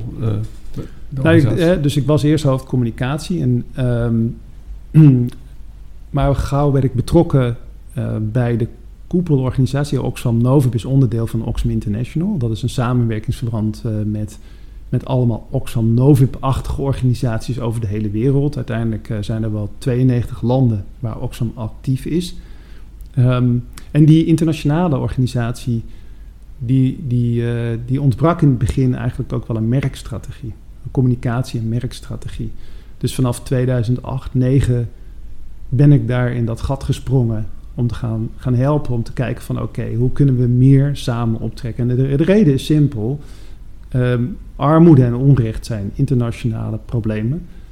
Dus heb je ook een internationale organisatie nodig, eh, wil je daar verschil in, in maken. En ook een internationaal merk. Want als je bijvoorbeeld ehm, tegen verkeerd beleid eh, wilt strijden, dan zijn dat vaak internationaal, internationale organisaties, de EU of de, de Afrikaanse Unie of ehm, nou, noem het maar, eh, eh, waar je dan mee te maken krijgt. En dan, dan is het beter als je als één organisatie met één stem en één geluid en één beeld ook kan op, eh, optreden. Dus die merkstrategie was erg belangrijk. Dus mijn rol was tot voor kort om eh, eh, als, als hoofd van het merk, de head of brand, was ik eh, internationaal voor, voor Oxfam wereldwijd. En later, toen ik wegging, was ik ook head of communications. Overzag ik de internationale communicatiestrategie van de organisatie. En hoe kijk je terug op die 20 jaar dat je hiervoor gewerkt hebt? Ja, dat is met heel veel ehm, blijdschap ehm, en heel veel dankbaarheid dat ik daaraan heb kunnen, kunnen werken. Kijk, zo'n organisatie, daar ga je niet werken voor het geld, natuurlijk niet. Je gaat er ook niet werken eh, gewoon omdat het alleen maar leuke collega's zijn. Die zijn er overigens wel. Want een van de grote voordelen binnen zo'n organisatie is dat je werkt met mensen die allemaal dezelfde normen en waarden dragen. Die allemaal op dezelfde manier, op, eh, in ieder geval ongeveer op dezelfde manier in het leven staan. In welk land je ook komt. Eh, en, ehm, ja, en, het, en het bij kunnen dragen aan, aan verbetering. Aan, aan, aan, het, eh, eh, aan het tegengaan van ongelijkheid of, of meer positief. Dat mensen gewoon een, meer controle, meer eh, grip hebben op hun eigen leven en er echt iets moois van kunnen maken. In allerlei landen. Dat, dat is heel, heel dankbaar ben ik daarvoor dat ik daar aan mee heb kunnen werken. Heb je het idee, heb je ook het idee dat je daarin voor jezelf verschil hebt kunnen maken? Kun je dat voor jezelf ook duiden? Ehm, nou ja, ik, kijk eens, ik, ik was betrokken bij bijna elke grote campagne die Oxfam heeft gevoerd, heb ik wel een rol in gehad. Ik zal niet zeggen altijd een beslissende rol, zeker niet eigenlijk. Maar ik heb altijd meegedacht van hoe ziet die campagne eruit? Hoe verwoorden we het? Ik ben een communicatieprofessional. Dus van hoe brengen we het naar buiten op een manier dat mensen denken, ja, dit is belangrijk. Hier willen we aan meedoen. Nou, dat, ja, ik hoop dat dat heeft bijgedragen. En sowieso op de merkstrategie, hè, dus de organisatiestrategie van Oxfam, eh, heb ik denk zeker een bijdrage kunnen leveren. Ehm, ja, om, om duidelijk te maken waar, waarom we bestaan. Waarom zo'n organisatie nodig is. En waarom het ook een goed idee zou kunnen zijn om mee te werken, om ook je als activist op te stellen. Ehm, dus ja, ja, ik hoop en denk dat ik daar wel een bijdrage aan heb kunnen leveren. In ieder geval zelf heb ik daar heel veel voldoening uit gehaald. En nog steeds voel ik me ook onderdeel van zo'n organisatie. Dat, dat gaat niet uit je weg. Dat, dat wordt uh, uiteindelijk onderdeel van je DNA. En dat blijft? Dat blijft. Dat activisme gaat niet weg. Ik denk dat uh, elke, wat zo, wij noemen ze ex-fammers. Dus als mensen weg zijn bij Oxfam, worden ze ex-fam. Uh, maar ik denk dat elke ex-fam zich ergens nog wel Oxfam DNA in zijn bloed heeft zitten. En hoe, hoe was jouw afscheid? Hoe, hoe, hoe um, wat, wat, wat kun je daar nog, wat, wat, wat haal je daaruit? Ja, dat was op de een of andere manier ook wel uh, bijzonder. Kijk, als je in Nederland werkt, krijg je een afscheid met een borrel uh, of een feestje. En dan komen mensen naar je toe en dan heb je daar een gesprek mee. Maar mijn team zat over alle continenten verspreid. Uh, dus het was niet mogelijk om dat te organiseren. Ik had wel het geluk dat mijn direct leidinggevende, die in Vietnam woonde, naar Nederland was gekomen. En die heb ik dus nog echt goed kunnen spreken. Maar ik heb dus een uur lang een Zoom-call gehad, of eigenlijk een Teams-call, uh, dat, we, dat we iedereen bij elkaar hadden. Ik vond het toch heel emotioneel en heel, het deed me ook echt pijn op dat moment weg te gaan. Ik, ga, ik ben ook zeker niet weggegaan bij Oxfam met het idee van het was goed zo. Nou, het was wel goed zo, maar niet met het idee van dat, er, dat ik weg moest.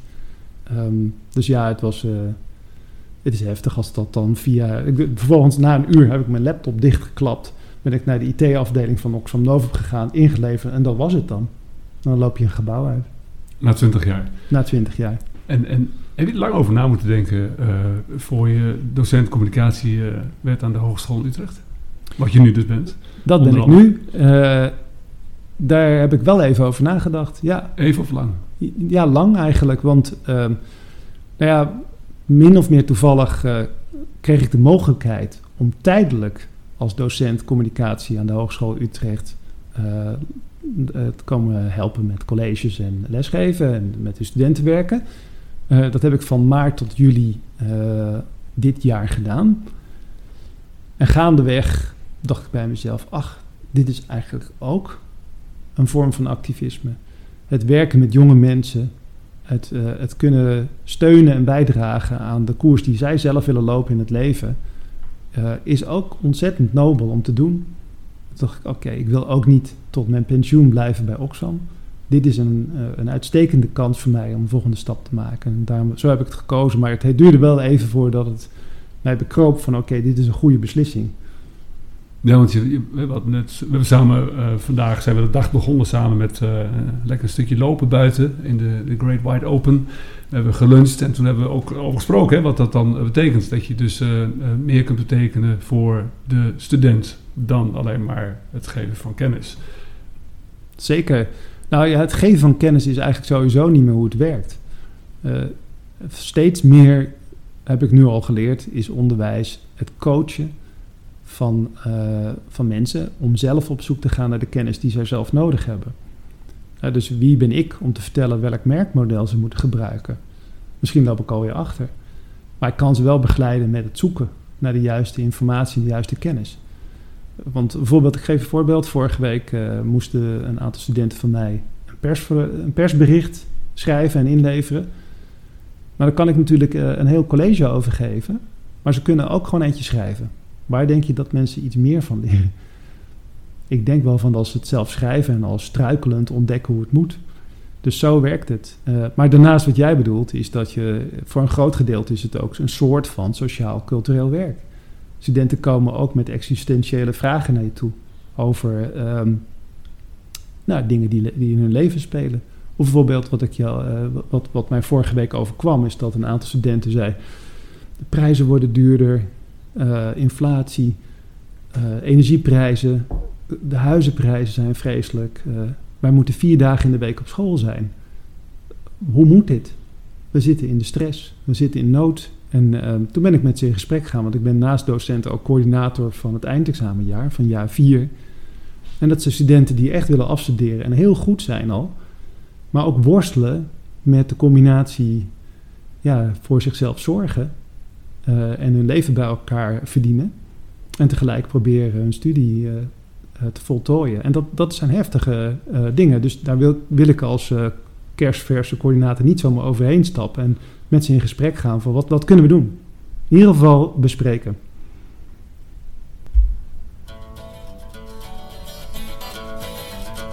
Nou, en toen, toen ging er eigenlijk wel, uh, ja, begon er eigenlijk een nieuw tijdperk in jouw leven. Want uh, je werd uh, twee keer vader. Hè? Eén keer in 2004 en in 2007. je schreef ondertussen voor, als column voor de Runners World. Ehm, je bent ook natuurlijk nu nog steeds bezig voor Mystical Miles. Hè? Dat hebben we al even in het begin verteld. Maar je vond ook steeds meer uh, jouw weg naar de trail in plaats van op de harde wegen. En dat was onder andere bij de uitwisselingsproject tussen de Nepalezen en zeg maar, de mensen uit het westen. Hè, waar je samen uh, deelnam aan de Swiss Alpine Marathon. Marathon en dat je dus ook uh, jouw boek Runners High uitkwam destijds. Um, jouw weg naar de trails, dat, was, dat begon een beetje in 2010 eigenlijk. Hè? Dat was, eh, hoe, je, je, liep altijd op de weg. Hoe is het ontstaan dat je eigenlijk van de, weg afging? Nou, dat kwam inderdaad door dat, uh, dat uitwisselingsproject waar ik gewoon zo in één keer in, betrokken raakte. Dus iemand belde me op uit Engeland die zei fancy run.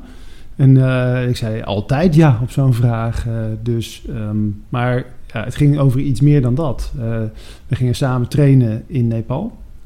en samen met de Gurkha's en met de, uh, de dragers van de Everest Track hebben we daar getraind en, en samen verbleven daar. En met die jongens zijn we naar, uh, uh, ben ik naar, um, naar Zwitserland gegaan voor de K78 Swiss Alpine Marathon. Ja, dat was voor mij zo'n openbaring in de eerste plaats van... oké, we kunnen dus nog verder lopen dan de marathon. Ik dacht echt van, dat kan niet. En, en wie dat wel kan, is ja, buiten gewoon uh, vaardig in die dingen. Ik ga dat niet overleven. Dat dacht ik echt serieus. Ja, je hebt het over 78 kilometer, zo'n 2300 hoogtemeters hebben we het over. Ja, dat, dat leek mij echt eigenlijk niet te doen. Maar ik werd getraind door een SES-soldaat. Uh, uh, ja, en die heeft me toen laten zien dat het wel kan. En uh, werd steeds beter daarin. En toen, toen we daar waren, ontdekte ik ook van ja, maar het is eigenlijk ook ontzettend mooi om door de berg te lopen, door de natuur te lopen. En niet zo bezig te zijn met tijd, maar gewoon met waar je bent op dat moment.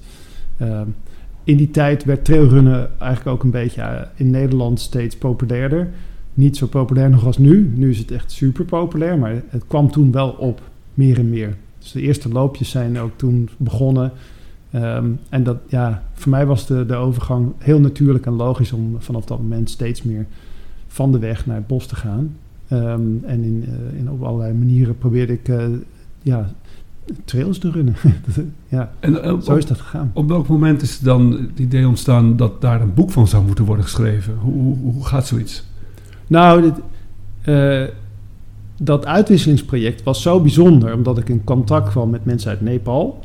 Uh, en we zouden naar Zwitserland gaan. En we kwamen allemaal mensen tegen uit verschillende windrichtingen. En ik dacht, oké, dit, dit is wel een bijzonder avontuur en een bijzonder verhaal. Bovendien had ik bedacht, misschien kan ik dan eindelijk eens iemand, iedereen vragen... wat mensen mij altijd vroegen op verjaardagsfeestjes. Waarom loop je eigenlijk hard? Uh, en het leek mij leuk om, om dat te begrijpen vanuit verschillende culturele achtergronden. dat heb ik toen voorgelegd aan de arbeiderspers... Um, en die vonden dat een goed idee. En zo is dat, zo is dat boek ontstaan. Um, dus ja, uit toeval eigenlijk. Omdat, omdat op, op dit op mijn pad kwam. Maar het, die vraag waarom lopen mensen hard? Waarom loop ik zelf hard? Dat hield me wel al langer bezig. En kon je dat ook... Dat kun je steeds beter omschrijven ook voor jezelf. Ja, kijk, er is niet een eenduidig antwoord. En voor iedereen is dat antwoord, antwoord misschien ook wel anders. Uh, maar er zijn, wel, er zijn wel bepaalde zaken die mensen met elkaar overeen hebben. Dus, het zoeken naar, naar rust of het zoeken naar um, uh, even je, je hoofd leeglopen, hoor ik heel vaak. Het grappige is dat niemand zei, of vrijwel niemand, als eerste zei voor de prestatie. Of om beter te worden of beter dan een ander te zijn. Dat kwam eigenlijk, natuurlijk willen mensen ook wel competitief lopen, maar de meeste mensen doen het toch omdat ze het prettig ervaren en dat ze zich prettiger doorvoelen ook daarna. Dus dat, dat, dat, dat ontdekte ik. Maar goed, er zijn een diversiteit aan antwoorden, dat weet ik zeker. Uh, maar, mijn zoektocht die heb ik in dat mooi vast kunnen leggen in het boek uh, Runners High. Ja, jou, jou, je was eerst uh, nou onder de indruk dat het überhaupt mogelijk was om verder dan marathon te lopen. En op een gegeven moment stond je zelfs zelf ingeschreven voor de Zoekspitse Ultra Trail in 2016. En dat, was een, dat is een afstand van 100 kilometer. Eh, hoe, hoe is dat dan zo gekomen? Dat je dan dacht nou, dan ga ik die stap maken naar 100. Werd dat een magisch getal? Of wat was, wat was je drijfveer om dat te gaan doen? Nou, dat, inderdaad, het was een magisch getal, die 100 kilometer. Da- dat was een van de weinige keren dat ik ook dacht van, van, zou ik dat kunnen? Dat ik ook wel echt dacht van, hoe ver eh, strekt mijn uithoudingsvermogen? Ehm, ik had daarvoor, ik denk in 2013 of 14, ook al een, een lange trail door de berg gelopen, 50 kilometer, maar vooral ook met heel veel hoogtemeters. eh, ik geloof 4 of 4.500 hoogtemeters. Dat vond ik heel zwaar, maar ook wel ontzettend mooi. En ik was niet kapot na het einde. Dus ik dacht, mm, het zit erin. Het, is mogelijk. Nou, dus de Zoekspits heb ik me toen voor ingeschreven. Eh, niet de moeilijkste trail misschien, maar wel eentje die eh, voor mij in ieder geval voldoende uitdaging gaf. eh. En een groot leermoment heeft eh, opgeleverd. Ja, ja. ja, het ging heel goed. Ehm, drie weken voor had ik nog een, eh, een zweepslag in mijn been. En, dus ik was al heel erg blij dat ik überhaupt weer hersteld aan de start stond. Ehm, en de eerste 80 kilometer ging eigenlijk best, best vloeiend. Ik weet wel dat ik ergens nog rond vier- 55 kilometer Aloude belde mijn, mijn vrouw en eh, dat ik zei, goh, ik vind het wel zwaar. Toen zei ze, stap toch uit. Toen dacht ik bij mezelf, ja, maar we zijn nu hier. ik ga het toch proberen. Ehm, dus ik, eh, ik, was, ik waardeerde het heel fijn dat, ze, dat, dat ik haar even kon bellen. Maar ik heb toen toch doorgezet. En, ehm, en toen kwam ik uiteindelijk bij kilometer 80 en toen begon het toch zo verschrikkelijk hard te regenen. En het werd zo koud daardoor. Het werd ook donker. Dat ik ehm, op een gegeven moment ehm, eh, dacht van ja, dit gaat niet meer. Ik kreeg het echt heel vreselijk koud. En toen ben ik uitgestapt. Ehm, ik weet nog wel dat, ik, eh, dat een man tegen mij zei van... eh, nou, dan moet je hier naar beneden lopen. En dat was nog vijf kilometer verder. Moest ik zoeken naar... Daar moest een auto komen. Dat duurde eindeloos lang. We hebben nog bij iemand aangebeld. om te vragen of ik in ieder geval in hun halletje al druipend... misschien even wat warmte kon krijgen. Maar daar mocht ik niet binnen. Dus ik stond daar eindeloos te wachten. En uiteindelijk eh, werd ik dan opgehaald door een autootje... teruggereden naar het hotel. En in het hotel besefte ik in één keer weer in de warmte, besefte ik in één keer weer van, maar wacht even. Ik had nog een lange broek, ik had nog een regenjas, ik had nog een trui, ik had nog handschoenen, ik had nog een muts. En dat heb ik allemaal niet tevoorschijn gehaald. En eh, ja, ergens is toen een knop, eh, daar ergens in het bos is een knop omgegaan van, hier moet je weg, dit is niet goed.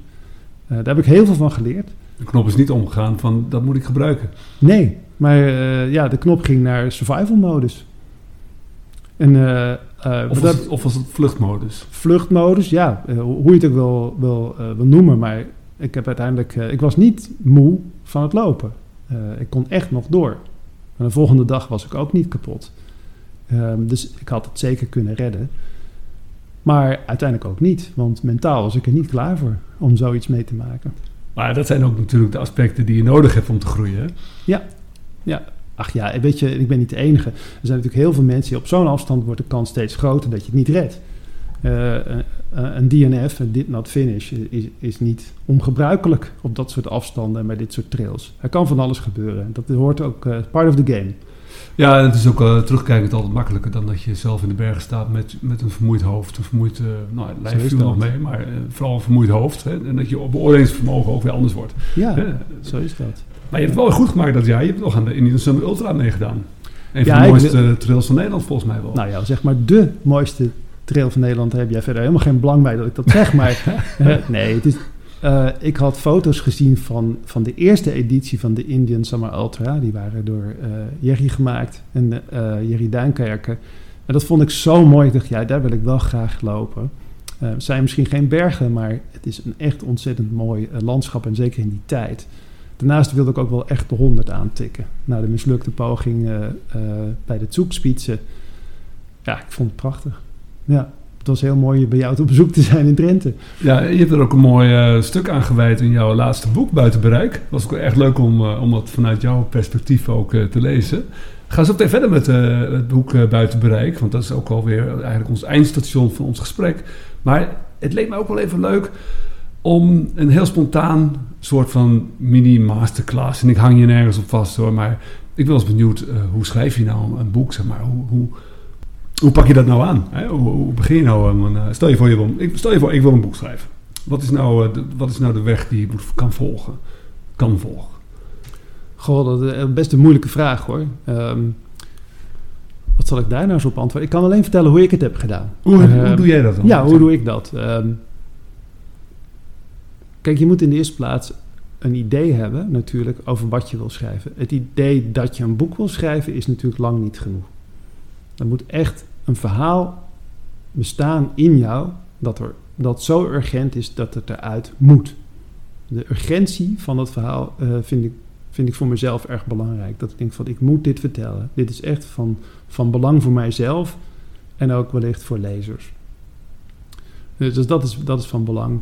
Ehm, en dan vervolgens, eh, zoals ik het aanpak, in ieder geval, dat ik eh, probeer in een A4 of 2 op te schrijven waar dit boek over gaat. Ehm, en daarbij eh, een aantal dingen probeer op te schrijven, met name natuurlijk van de, van de inhoud van het boek, van het verhaal, Ehm, maar ook welk perspectief er geboden is. Hè? Dus van, vanuit welk perspectief, van wel, wie is de hoofdpersoon, eh, hoe gaat het verteld worden, hoe, wat is de opbouw van dit boek.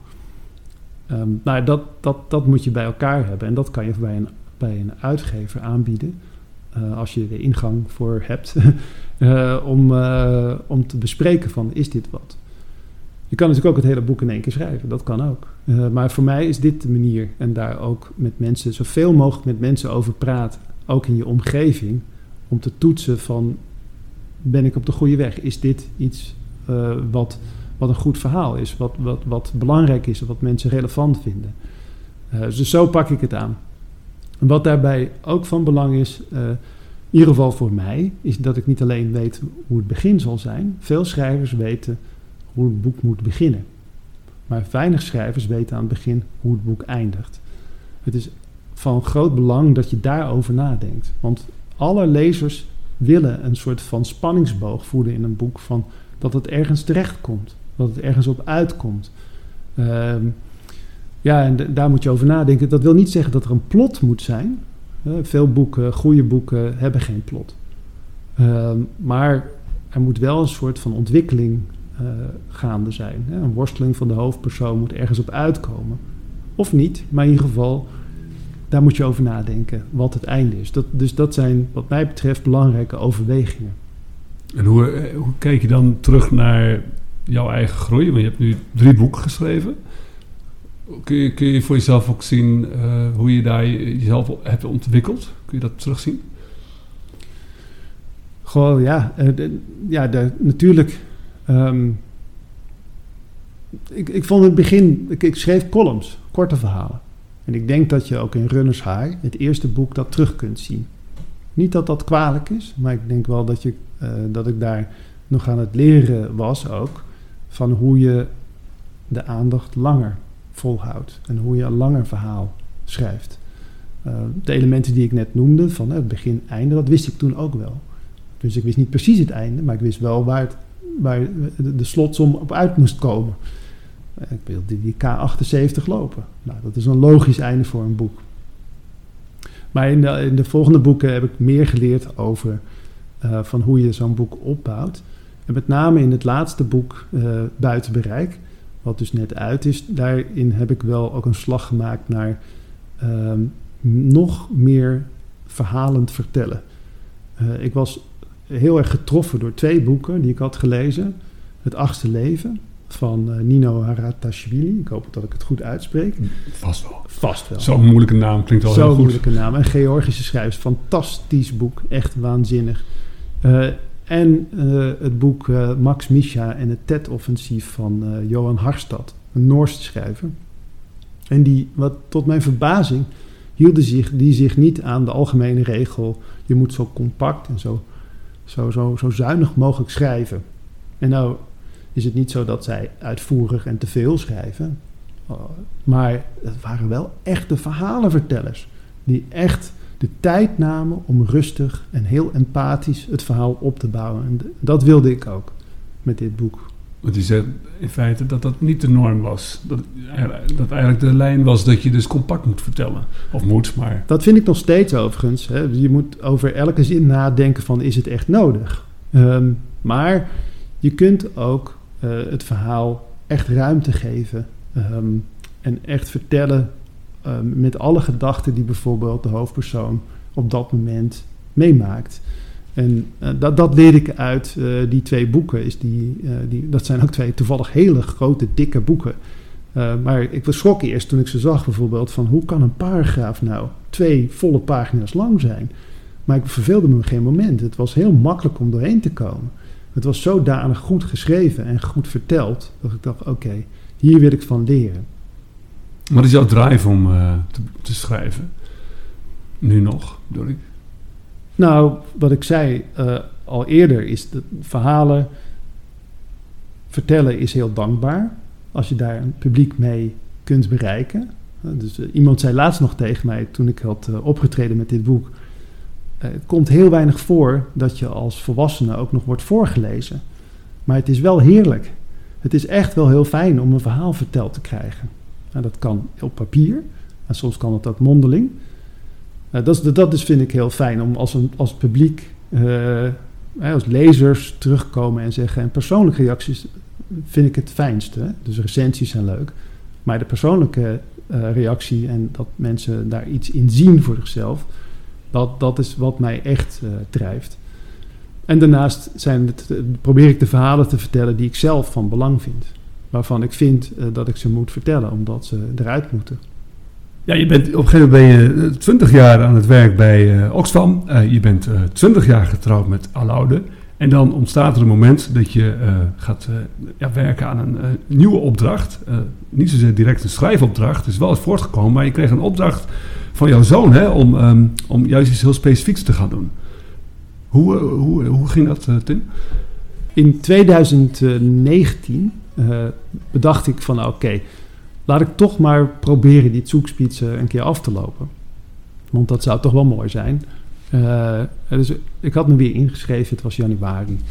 Eerlijk gezegd had ik er niet zoveel zin in. Maar ik dacht wel, ja, ik wil afmaken wat niet was gelukt in 2016. Um, ehm, en toen dacht ik, nadat ik had me ingeschreven, dacht van nou laat ik dan ook maar meteen beginnen met trainen. Uh, en ik was in de buurt van waar wij wonen aan het trainen tegenover, op een, uh, op een viaduct. Hartstikke lelijk daar zo. Um, en het had gesneeuwd en het was weer gaan regenen. Dus het was vies en nat buiten en donker. Dus ik was maar een beetje heen en weer aan het lopen om mijn eerste beperkte hoogtemeters te maken. Toen, en er was niemand buiten. Er was niemand buiten. En ik was gewoon in mijn eentje vertrokken. En toen zag ik ineens mijn zoon. En mijn jongste zoon. Die was daar aan het skaten. En die, dat wist ik niet. Maar die was ook gewoon eruit gegaan, deur achter zich dicht gegooid, bam, naar buiten. Komt vanzelf wel een keer terug. Die was daar in zijn, eentje aan het skaten. En we zagen elkaar en hij vloog mij om de hals. En hij zei tegen mij: Papa, ik weet dat je die 100 kilometer voor mij loopt. En ik wil dat je hem voor mij loopt. Nou, dat, dat was een heel emotioneel moment voor mij, want ik voelde het echt als een opdracht. Het was echt menens op dat moment. Bovendien moet je weten dat het niet zo goed met hem op dat moment ging. Um, hij valt, zoals je het zou kunnen zeggen, buiten de sociale norm. En hij had daar echt last van in zijn omgeving. Um, dus ik voelde van ja, hij vraagt me dit om dit te doen. En misschien heeft het daar wel iets mee te maken. En toen ik thuis kwam, toen vertelde ik dat aan Alaude, mijn vrouw. En die zei van nou, misschien moet je iets meer doen. Misschien moet je uh, niet alleen die, die 100 kilometer, die zoekspitsen voor hem gaan lopen. Maar misschien moet je ook de verhalen vertellen. De verhalen van jouw vader, van jouzelf en van hem. Want jullie zijn allemaal wel op een bepaalde manier gelijk. Jullie hebben allemaal die worsteling gehad. En misschien kan hem dat moed geven. En daar is het idee voor buitenbereik uit ontstaan. Dus uh, van dit boek heb ik echt in opdracht voor mijn zoon ook geschreven.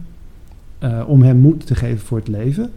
En daarbij hopen we natuurlijk ook dat ook mensen die zich hierin herkennen, natuurlijk ook daar iets uit kunnen halen. En dat was ook de overweging, wat ik altijd ook gewoon kunnen vertellen. Uh, maar ik heb het op papier willen zetten, omdat het misschien ook meer mensen nog kan uh, ondersteunen op een bepaalde manier. Heb je het idee dat dat ook op die manier is gelukt? Dat dat die uitwerking ook heeft gehad? Dat het andere mensen heeft gesteund of herkenning heeft gegeven? Erkenning? Ja, uh, tot nu toe wat ik aan reacties ontvang, ik weet het natuurlijk nooit, nooit helemaal precies hoe mensen zoiets lezen en ervaren. Niet alle lezers nemen contact met mij op. Maar uh, uh, ik heb best wel veel persoonlijke reacties. Meer dan bij de andere boeken nog gekregen. Ik krijg altijd veel reacties, maar nu nog meer. Waar mensen echt willen laten weten dat het, eh, dat het eh, ze raakte. Of dat, eh, dat, eh, dat ze ermee bezig zijn en dat ze eh, er iets mee kunnen. Of dat ze gewoon even willen laten weten dat ze het gelezen hebben. En dat, ja, dat vind ik bijzonder. Ehm, ja, dat, eh, daar ben ik heel dankbaar voor. Ja. Die, die, die, ehm, dus in feite is het een soort... Ja, je hebt eigenlijk twee eh, opdrachten eigenlijk gekregen bijna. Die van je zoon om hem te lopen. En nou, niet een opdracht van je vrouw om te schrijven. Maar het is wel eh, echt vanuit je gezin je, ontstaan, die aanmoediging. Maakt het ook een beetje het een boek van jullie allemaal? Eh, ja, zeker. Het, het, is zeker het verhaal eh, van, van ons gezin. Tegelijk ook niet. Want ehm, het verhaal van mijn, van mijn vrouw zelf en bijvoorbeeld van mijn, eh, mijn oudste zoon komt er niet heel uitgebreid in aan de orde. Het gaat echt over mijn vader, mijzelf en mijn jongste zoon. Maar het is niet het hele verhaal op een bepaalde manier. Dat kan ook niet in elk boek, want dat wordt verwarrend. Dus we hebben daar wel over gehad met elkaar. Maar het is wel belangrijk om te realiseren, ook voor mijzelf, want eh, het is een boek geworden, maar tegelijkertijd is het ook ons echte verhaal. Ehm, dat, eh, dat, dat er natuurlijk veel meer perspectieven zijn. Is dat een worsteling als je zo'n boek schrijft... dat je ook eh, in feite je partner en je andere zoon... ook wel recht wilt doen en een podium wilt geven... maar ja, ter wille van de duidelijkheid van het boek dat niet doet? Zeker is dat, is dat soms een worsteling. Ja. Nee, dat, daar heb ik wel mee geworsteld. Maar ja, je, je, het is, niet alles is mogelijk in een, in een roman. Eh, je moet keuzes maken. En je moet het ook overzichtelijk houden voor de lezer. Hè, want eh, op een gegeven moment wordt het anders eh, te diffuus. Nou ja, die keuze heb ik nou eenmaal gemaakt op deze manier. Hoe, hoe heeft jouw zoon eh, ervaren... eh, heeft, heeft, heeft hij stukken van het boek gelezen? Of wat, Ja, hij heeft het hele boek nu gelezen. Ja. Eh, natuurlijk hadden we het ook echt met elkaar doorgenomen. Van willen we dit? En, ehm, en eh, ehm, ja, goed. Ik heb ook de belangrijke stukken in het schrijfproces ook aan hem voorgelegd steeds. Ook aan, eh, aan mijn vrouw en, en mijn oudste zoon. Ehm, dus ja, zij zijn er wel blij mee. En steeds ook wel vanuit het idee van goed, het, het helpt ons. Hè, dus om daarbij stil te staan. Eh, maar tegelijkertijd wellicht dat een ander kind of een andere ouder of gewoon iemand anders die, die soms worstelt met van ja, pas ik wel binnen de sociale norm hier iets mee kan. En ook dat je denk ik ook wel inspiratie en vreugde voor het hardlopen uit kunt vinden. Ja, want het is het grappige. Je, het, zijn inderdaad meerdere verhaallijnen. Het gaat Hmm. inderdaad het gaat over het hardlopen. Het gaat uiteindelijk om het, eh, eh, die, die, die Zoekspitze Ultra van 100 kilometer opdracht uit te voeren. Het gaat over jouw zoon. Het gaat over jouw vader. Eh, maar en toch heeft het alles, alles verbindt met elkaar ook. Hè? Ja. Hoe, is, hoe is dat geweest om... ehm, want in feite leg je alles onder een vergrootglas ook voor jezelf. Hè? Eh, je kijkt natuurlijk naar de historie van jouw vader. eh, je moet erin verdiepen. Ehm, dat, heeft, dat heeft jou ook heel veel inzicht gegeven over jezelf en over de historie van jouw familie. Zeker. Nou ja, bijvoorbeeld het, het verhaal van mijn vader. Eh, daar wist ik eigenlijk niet genoeg van. Dit stukje was mij onduidelijk. En mijn vader leeft al een hele tijd niet meer. Maar ik wist dat hij, toen hij 14 was, het huis uit was gegaan om, om, om het klooster in te gaan. Hè, het Dominicanenklooster. Eerst naar eh de Dominicus College in Nij- Nijmegen en later ook gewoon echt het klooster in. En ik wist dat hij er ook eh, uit was gegaan. En dat dat me ook wel getekend had in het leven. Hè. Mijn vader vertrouwde niemand. Of dat- is te zwaar uitgedrukt. Hij, hij, had een natuurlijke aversie, zo moet ik het zeggen. Hij had een natuurlijke aversie voor autoriteiten. En dat kwam wel ergens vandaan.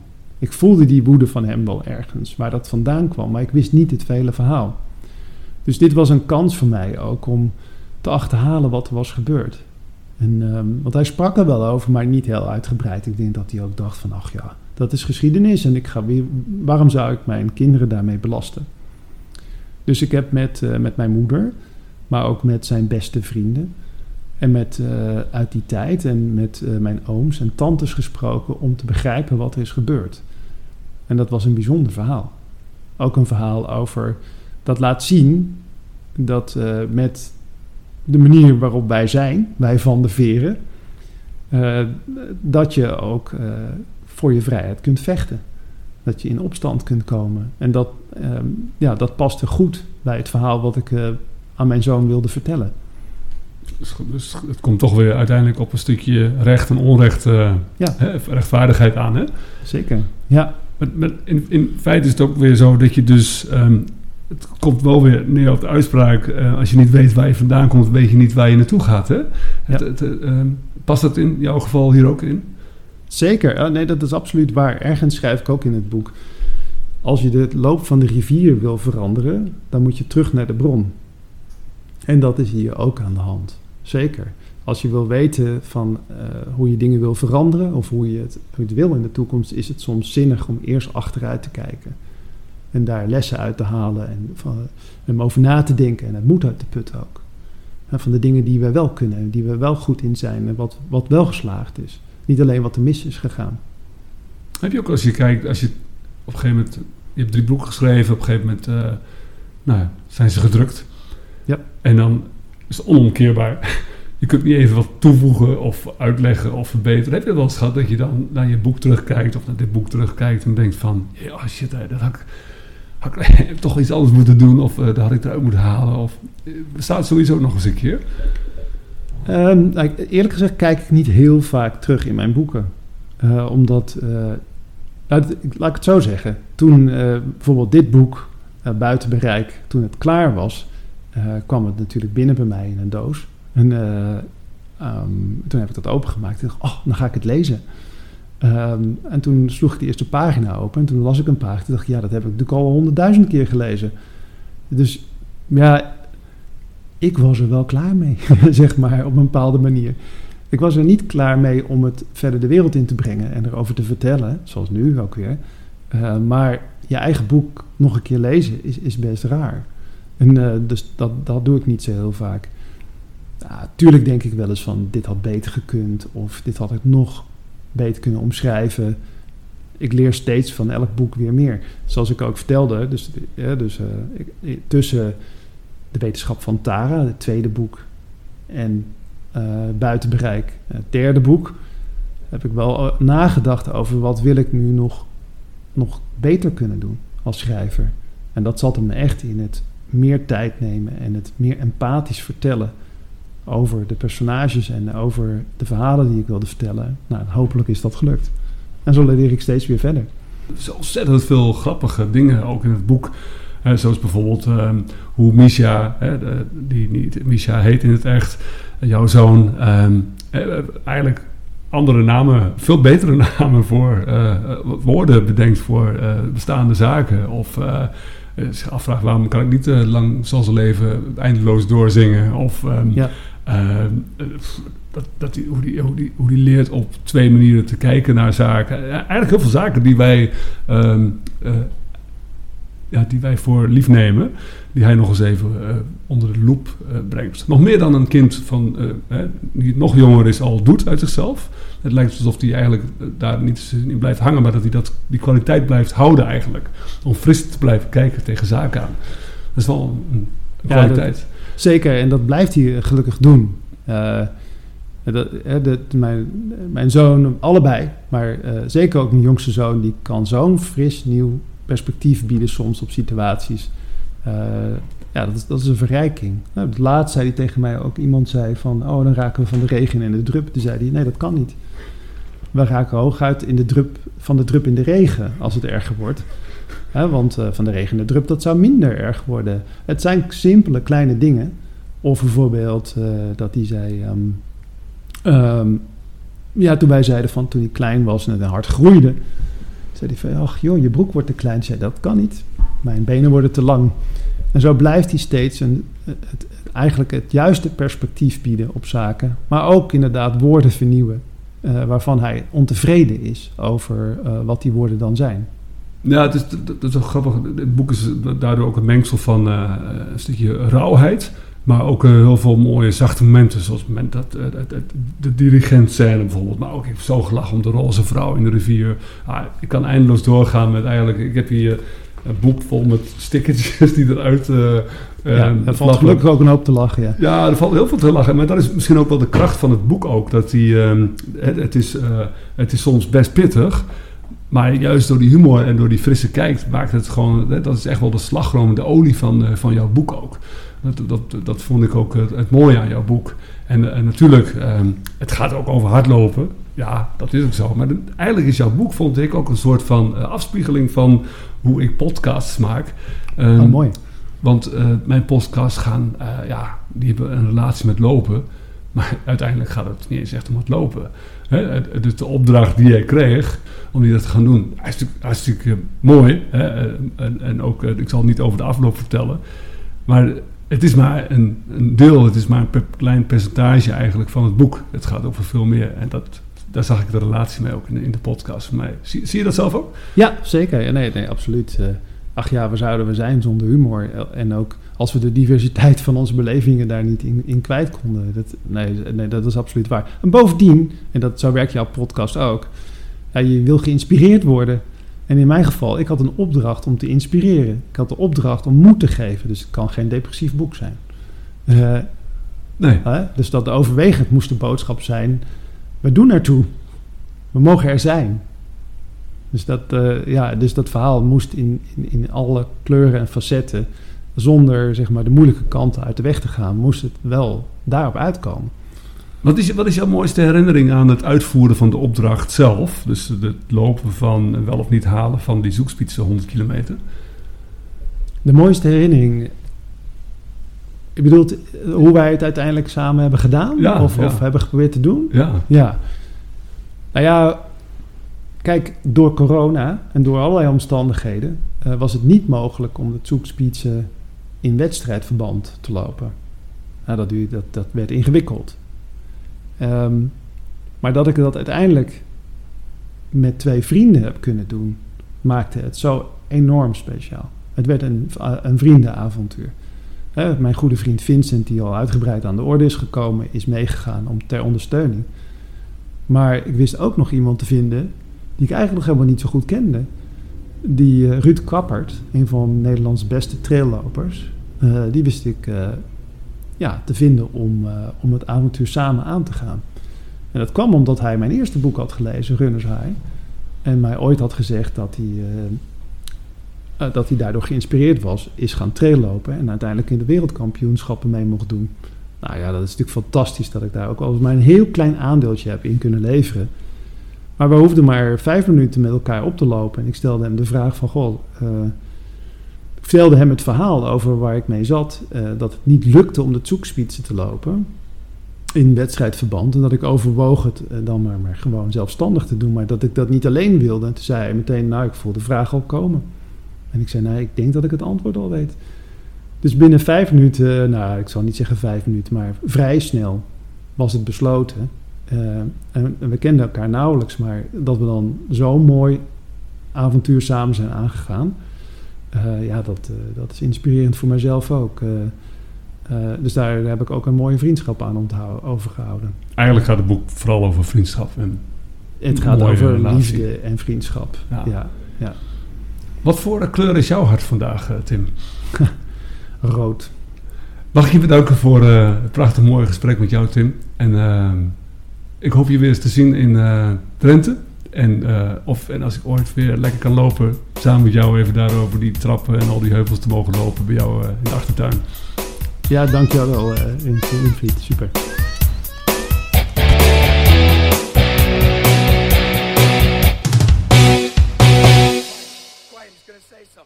think I'll go home now. Now what are we?